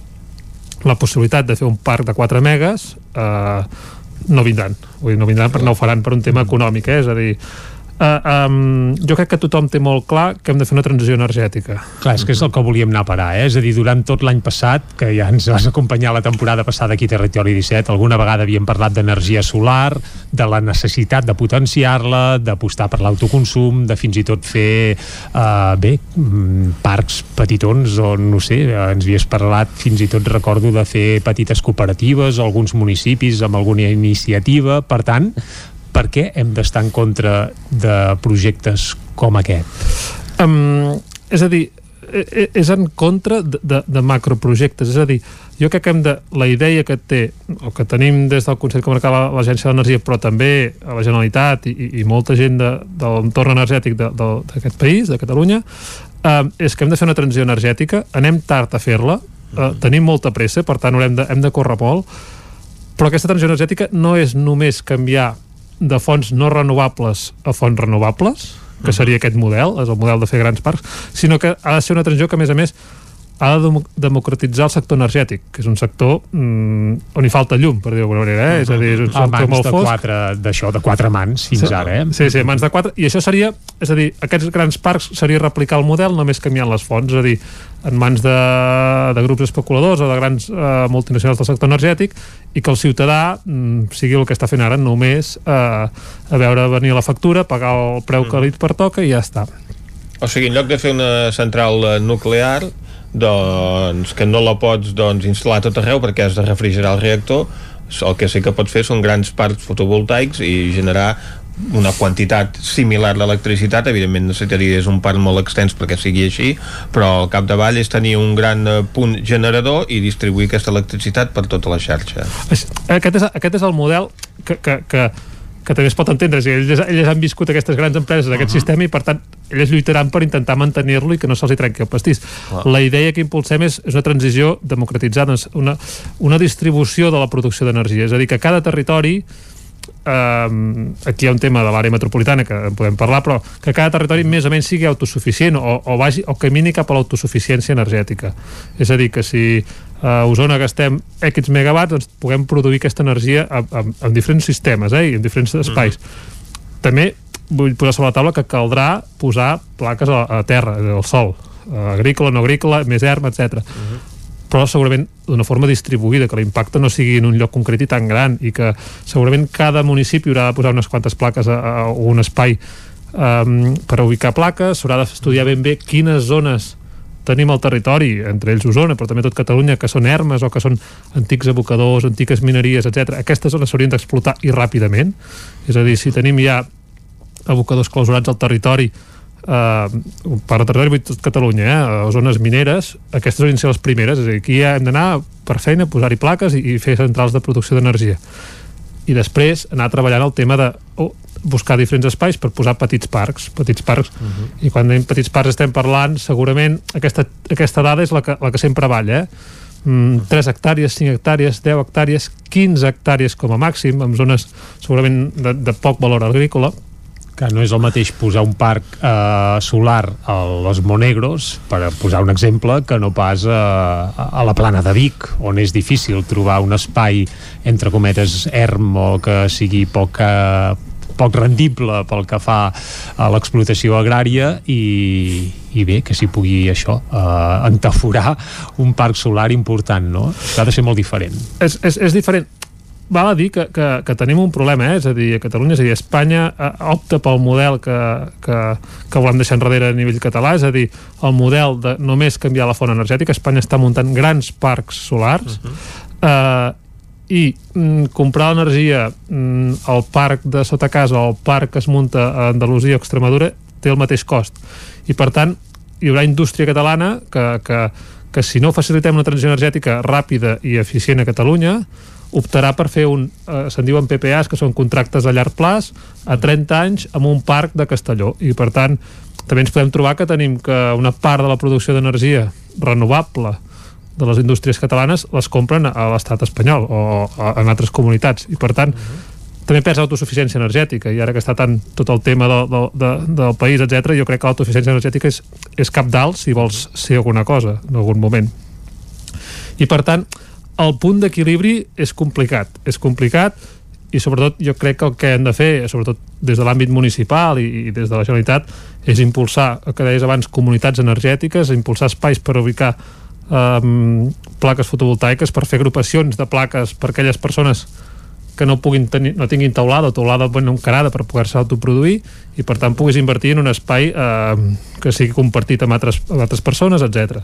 I això s'hauria de fomentar i, i de forma, jo crec que, que ràpida, eh? Uh -huh. Què vol dir ràpida? Ja. Ràpida vol Fem dir... tard, fem tard. Ràpida vol dir que anem tard, anem És molt tard, és a dir...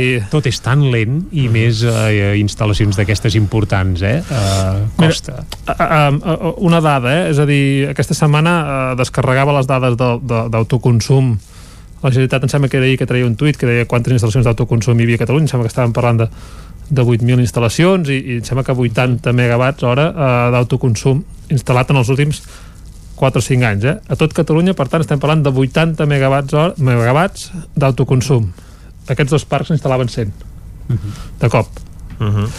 Uh, a Osona, a Osona tenim uh, descarregat l'últim inventari, tenim 340 instal·lacions d'autoconsum, entre ells instal·lacions importants de- d'indústries de, de, d'indústries com Bonpreu, com Tarradellas, que tenen uh, taulades importants. Tenim 340 instal·lacions i tenim instal·lats 10,2 megawatts. El parc de Folgueroles, que és el tercer per tamany que aquest ha sigut viable. En parlarem, eh? Aquest Ara, ara en parlem. I han donat el vistiplau, eh? Però només per això, eh? 340 instal·lacions, entre les que hi ha moltes taulades industrials, no estem parlant només de domèstics, ens estem produint 10,2 megawatts a Osona. El de Folgueroles són 15 megawatts només un, un sol instal·lació. Per tant, la magnitud de, de, de la situació és complicada. Per tant, jo, jo sempre poso sobre... Aquests dies se'n parla molt i, i hem hagut de participar en molts debats i, i fòrums. Um, el tema de primer anem posant a les taulades i després ja ho posarem a terra uh -huh. no és viable.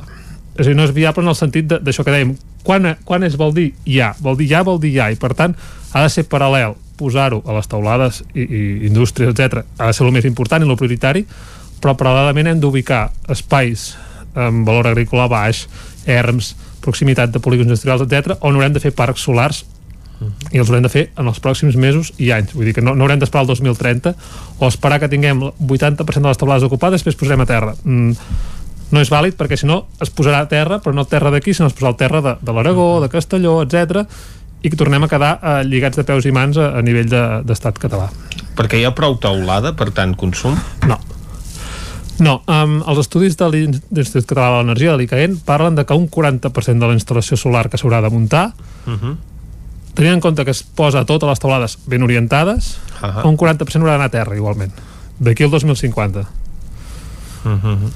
Clar, si ens plantegem i mirem des d'un espai aeri mm, totes les taulades que tenim de cara a sud i que de tot això, a més a més, l'altra meitat haurà d'anar a terra, Uh -huh. eh, tenim molta feina a fer. I aquí entra un paper, un tema important, que és el fibrociment.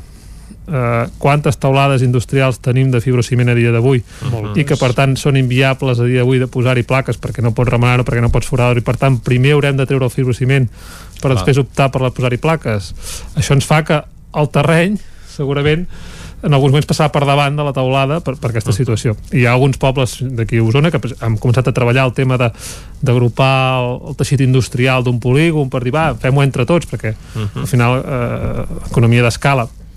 I quan es posen a reunir diuen, bueno, és que jo tinc fibrociment, bueno, és que jo en tinc i llavors t'adones que el 50% de les taulades d'aquell polígon són fibrociment, per tant aquestes ja juguen un segon paper, és a dir, primer l'hauràs de canviar i canviar el fibrociment. Eh, és molt costós per tot el que s'ha de fer a nivell de, de prevenció i de, i de reciclatge posterior d'aquesta matèria i per tant tenim problemàtiques que, que, que, que tornem a això, eh? el punt d'equilibri entre no destruir el sòl agrícola de valor, que està clar que, que el sòl agrícola ha de ser principalment per producció d'alimentació. Tot i que és evident que sovint donaria més rendiment el que et pagaria una empresa per instal·lar-hi plaques solars que no pas el grau o el cereal que hi pots plantar, eh? Sí, sí. Això amb els pagesos ho comenten, diu, clar, és que a mi em ve aquest, uh, aquesta empresa, m'ofereix això i en trec uh, 300 euros aquí a l'any i en canvi en blat és que en trec 150. Sí. I, I de vegades te'n vas... eh, Un dia parlava amb un i em deia em vaig, el que m'han ofert és més o menys el mateix que hi guanyo. Diu, però clar, si posen plaques, jo tot l'any no he de fer-hi res. Si No. l'any de cultivar i tinc molta feina eh, mensualment, diguéssim, o I diàriament. estar pendent del temps. Clar, mm,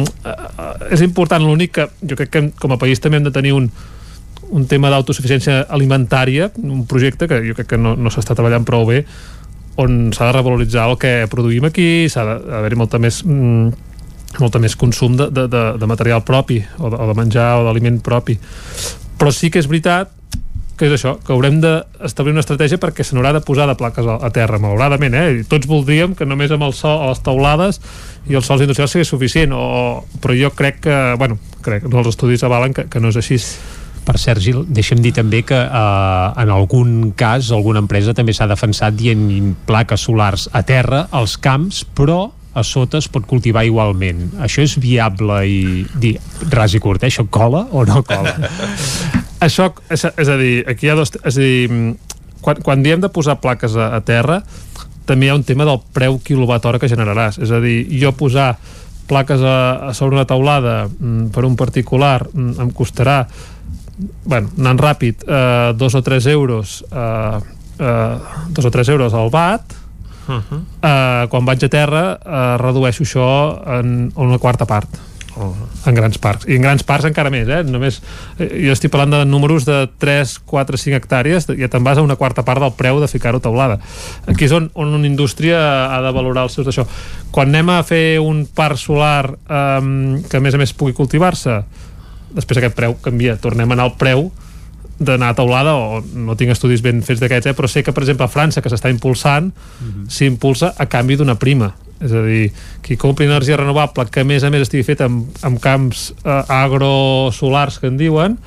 eh, el, el preu de, cobra una prima i per tant subvenciona aquest, aquest mix. De moment aquí a l'Estat i a Catalunya no hi ha previsió d'aquest sistema. I, i llavors el cultiu eh, o sigui mm, el el parc solar no és tan eficient perquè no pots posar les plaques tan acostades com ho fas a, a l'altra manera Uh -huh. i la, i la producció agrícola del camp tampoc és la mateixa perquè tens allà al mig estructures, etc.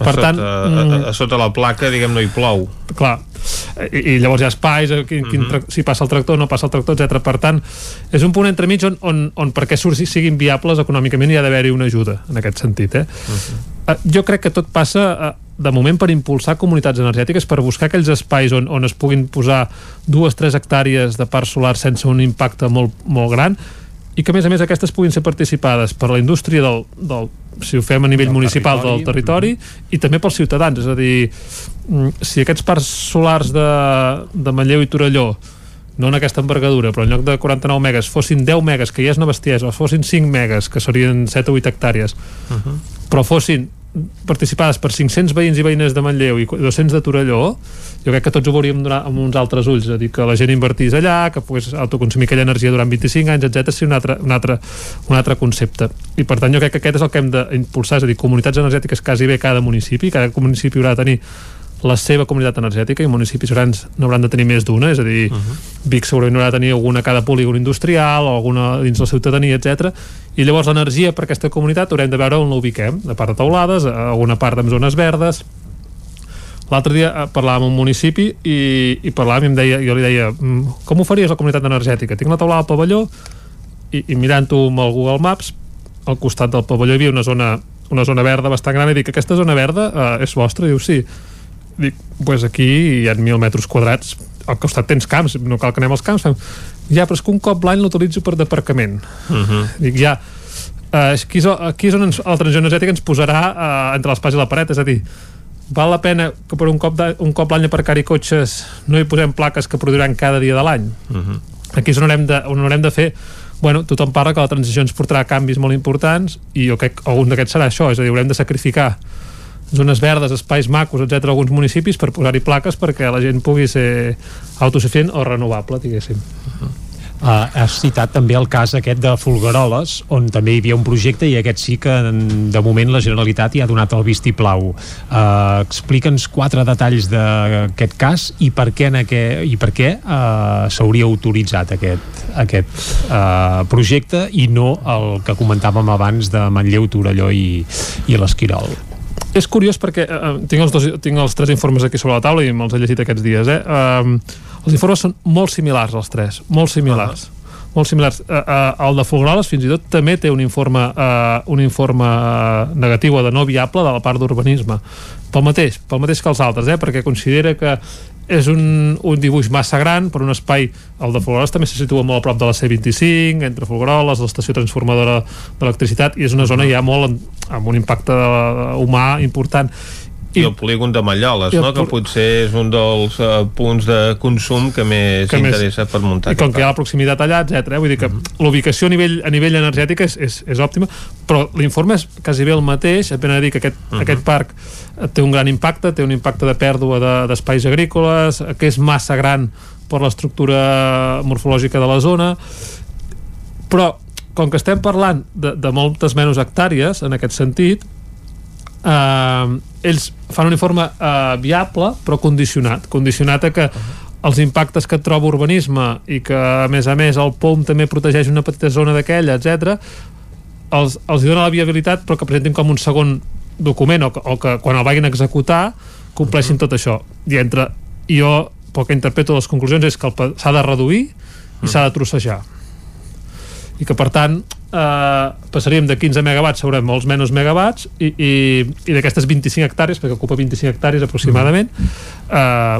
no diu quina quantitat però que, que el redueixis i el trossegis de la manera que l'impacte es redueixi uh -huh. això també ho deien els altres però els altres és tan gran la magnitud que ja diu és impossible trossejar això o, o, o reduir-ho perquè sigui viable i per això els hi tomba i en canvi el de Folgueroles l'informe és molt similar i, i, i diu que algunes zones no s'hi podrà posar perquè el POM les protegeix i que té, té un impacte, però diu que bueno, al final conclueixen que és viable eh, però eh, aplicar-hi mesures entenc que, i llavors aquí és on, on veurem què passa amb aquest parc eh, perquè eh, és el que deia abans, és economia d'escala és a dir, poder fer una extensió de 27 hectàrees posar-hi 15 megawatts sense preocupacions i connectar és una cosa, si has de començar a fer un trosset aquí, un uh -huh. trosset allà un trosset allà anar fent connexions potser la viabilitat econòmica d'aquest parc mm, canvia canvia i l'empresa és a dir, aquí darrere hi ha grans empreses i llavors aquestes grans empreses el que han fet és escampar um, projectes de grans parcs a tot el territori espanyol uh -huh. i entenc o, o Solora, que sembla que llavors allà on sigui més fàcil els, faran, els tiraran endavant i on tinguin problemes mm, els descartaran i aniran pels altres vull dir que m'agrada veure què passa amb aquest parc eh? vull dir que amb aquestes, tot si i que no ha sigut viable si no prou, prou rendible pot ser que aquesta inversió vagi parar en un no altre sé, lloc de podria ser una altra, una, altra part o podria, pot ser que presentin una segona proposta eh, passant de 25 hectàrees a 15, etc. Els estudis parlen de que um, anar a fer un parc per venda d'energia perquè això al final és connectar xarxa i venda d'energia um, ha de ser com a mínim de 3 megas que serien unes 5 hectàrees o entre 4 i 5 hectàrees perquè surtin a compte i siguin rendibles a, a 25 anys aquest és el, el, el número que estem treballant eh? a nivell, a nivell de, també de POMS de, la idea del Consell Comarcal ara és elaborar, entre aquesta setmana que ve tindrem una primera proposta d'un informe una proposta de modificació del planejament urbanístic municipal que ja prevegui eh, eh, tenir eines per, per, per, per paralitzar aquests grans projectes, però al mateix temps siguin prou flexibles per... paralitzar els grans però autoritzar potser els petits, els petits. també, eh? que d'això es tracta no? això es tracta, vull dir que uh -huh. paral·lelament a aquests tres eh, l'última ponència també ha donat permís ha donat viable a un de Prats, un d'Olost i ja fa unes setmanes a un de Tona que són parcs molt més petits, de 2 o 3 hectàrees eh, molts d'ells, el de Prats no però el de Tona i el d'Olost lligats a indústria d'autoconsum, per tant la transició ja es va fent eh? i aquest seria el model però però hem d'anar molt més ràpid en aquest model. Si volem que no si volem no perdre autosuficiència contra altres regions i que no se'ns faguin o s'instal·lin al final parcs d'aquests eh, jo crec que hem de donar-nos a pressa posar moltes plaques a, a taulades, a buscar llocs òptims per posar-hi petits parcs, etc i tots aquests parcs tampoc anirien en contra de la gent que es posa plaques, diguem-ne, al teulat de casa seva per autoconsum gairebé. Eh? Pot ser perfectament compatible una cosa amb l'altra, eh? Sí, sí, totalment. De fet, um, fins i tot, l'altre dia parlàvem, tu pots ser d'una comunitat energètica i invertir 1.000 euros, 2.000 euros en aquella comunitat perquè d'aquells 200 quilowatts que es posen en aquella comunitat, un o dos quilowatts siguin teus, uh -huh i posis el que t'hi càpiga a la taulada si a la taulada t'hi caben un o dos quilowatts més doncs tinguis la doble, la doble vessant eh? vull dir que eh, són totalment compatibles aquestes.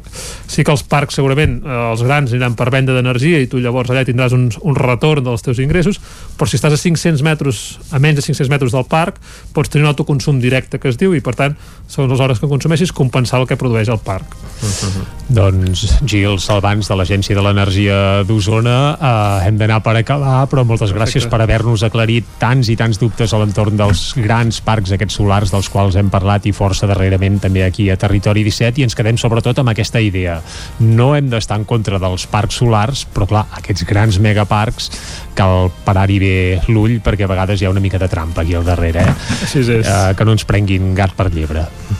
Gil, moltes gràcies, t'esperem el mes que ve aquí gràcies. a Territori 17 també i Vicenç, nosaltres anem per acabar. Posem punt i final a aquest Territori 17 que hem fet, Clàudia Dinarès Caral Campàs, David Auladell Isaac Muntades, Pepa Costa, Òscar Muñoz Isaac Moreno, Guillem Freixa Guillem Rico, Xela Falgueres Joan Carles Arredondo, Natàlia Peix Jordi Sunyer i Vicenç Vigues Adeu Territori 17 un magazín del nou FM. La veu de Sant Joan, Ona Codinenca i Ràdio Cardedeu amb el suport de la xarxa. El nou FM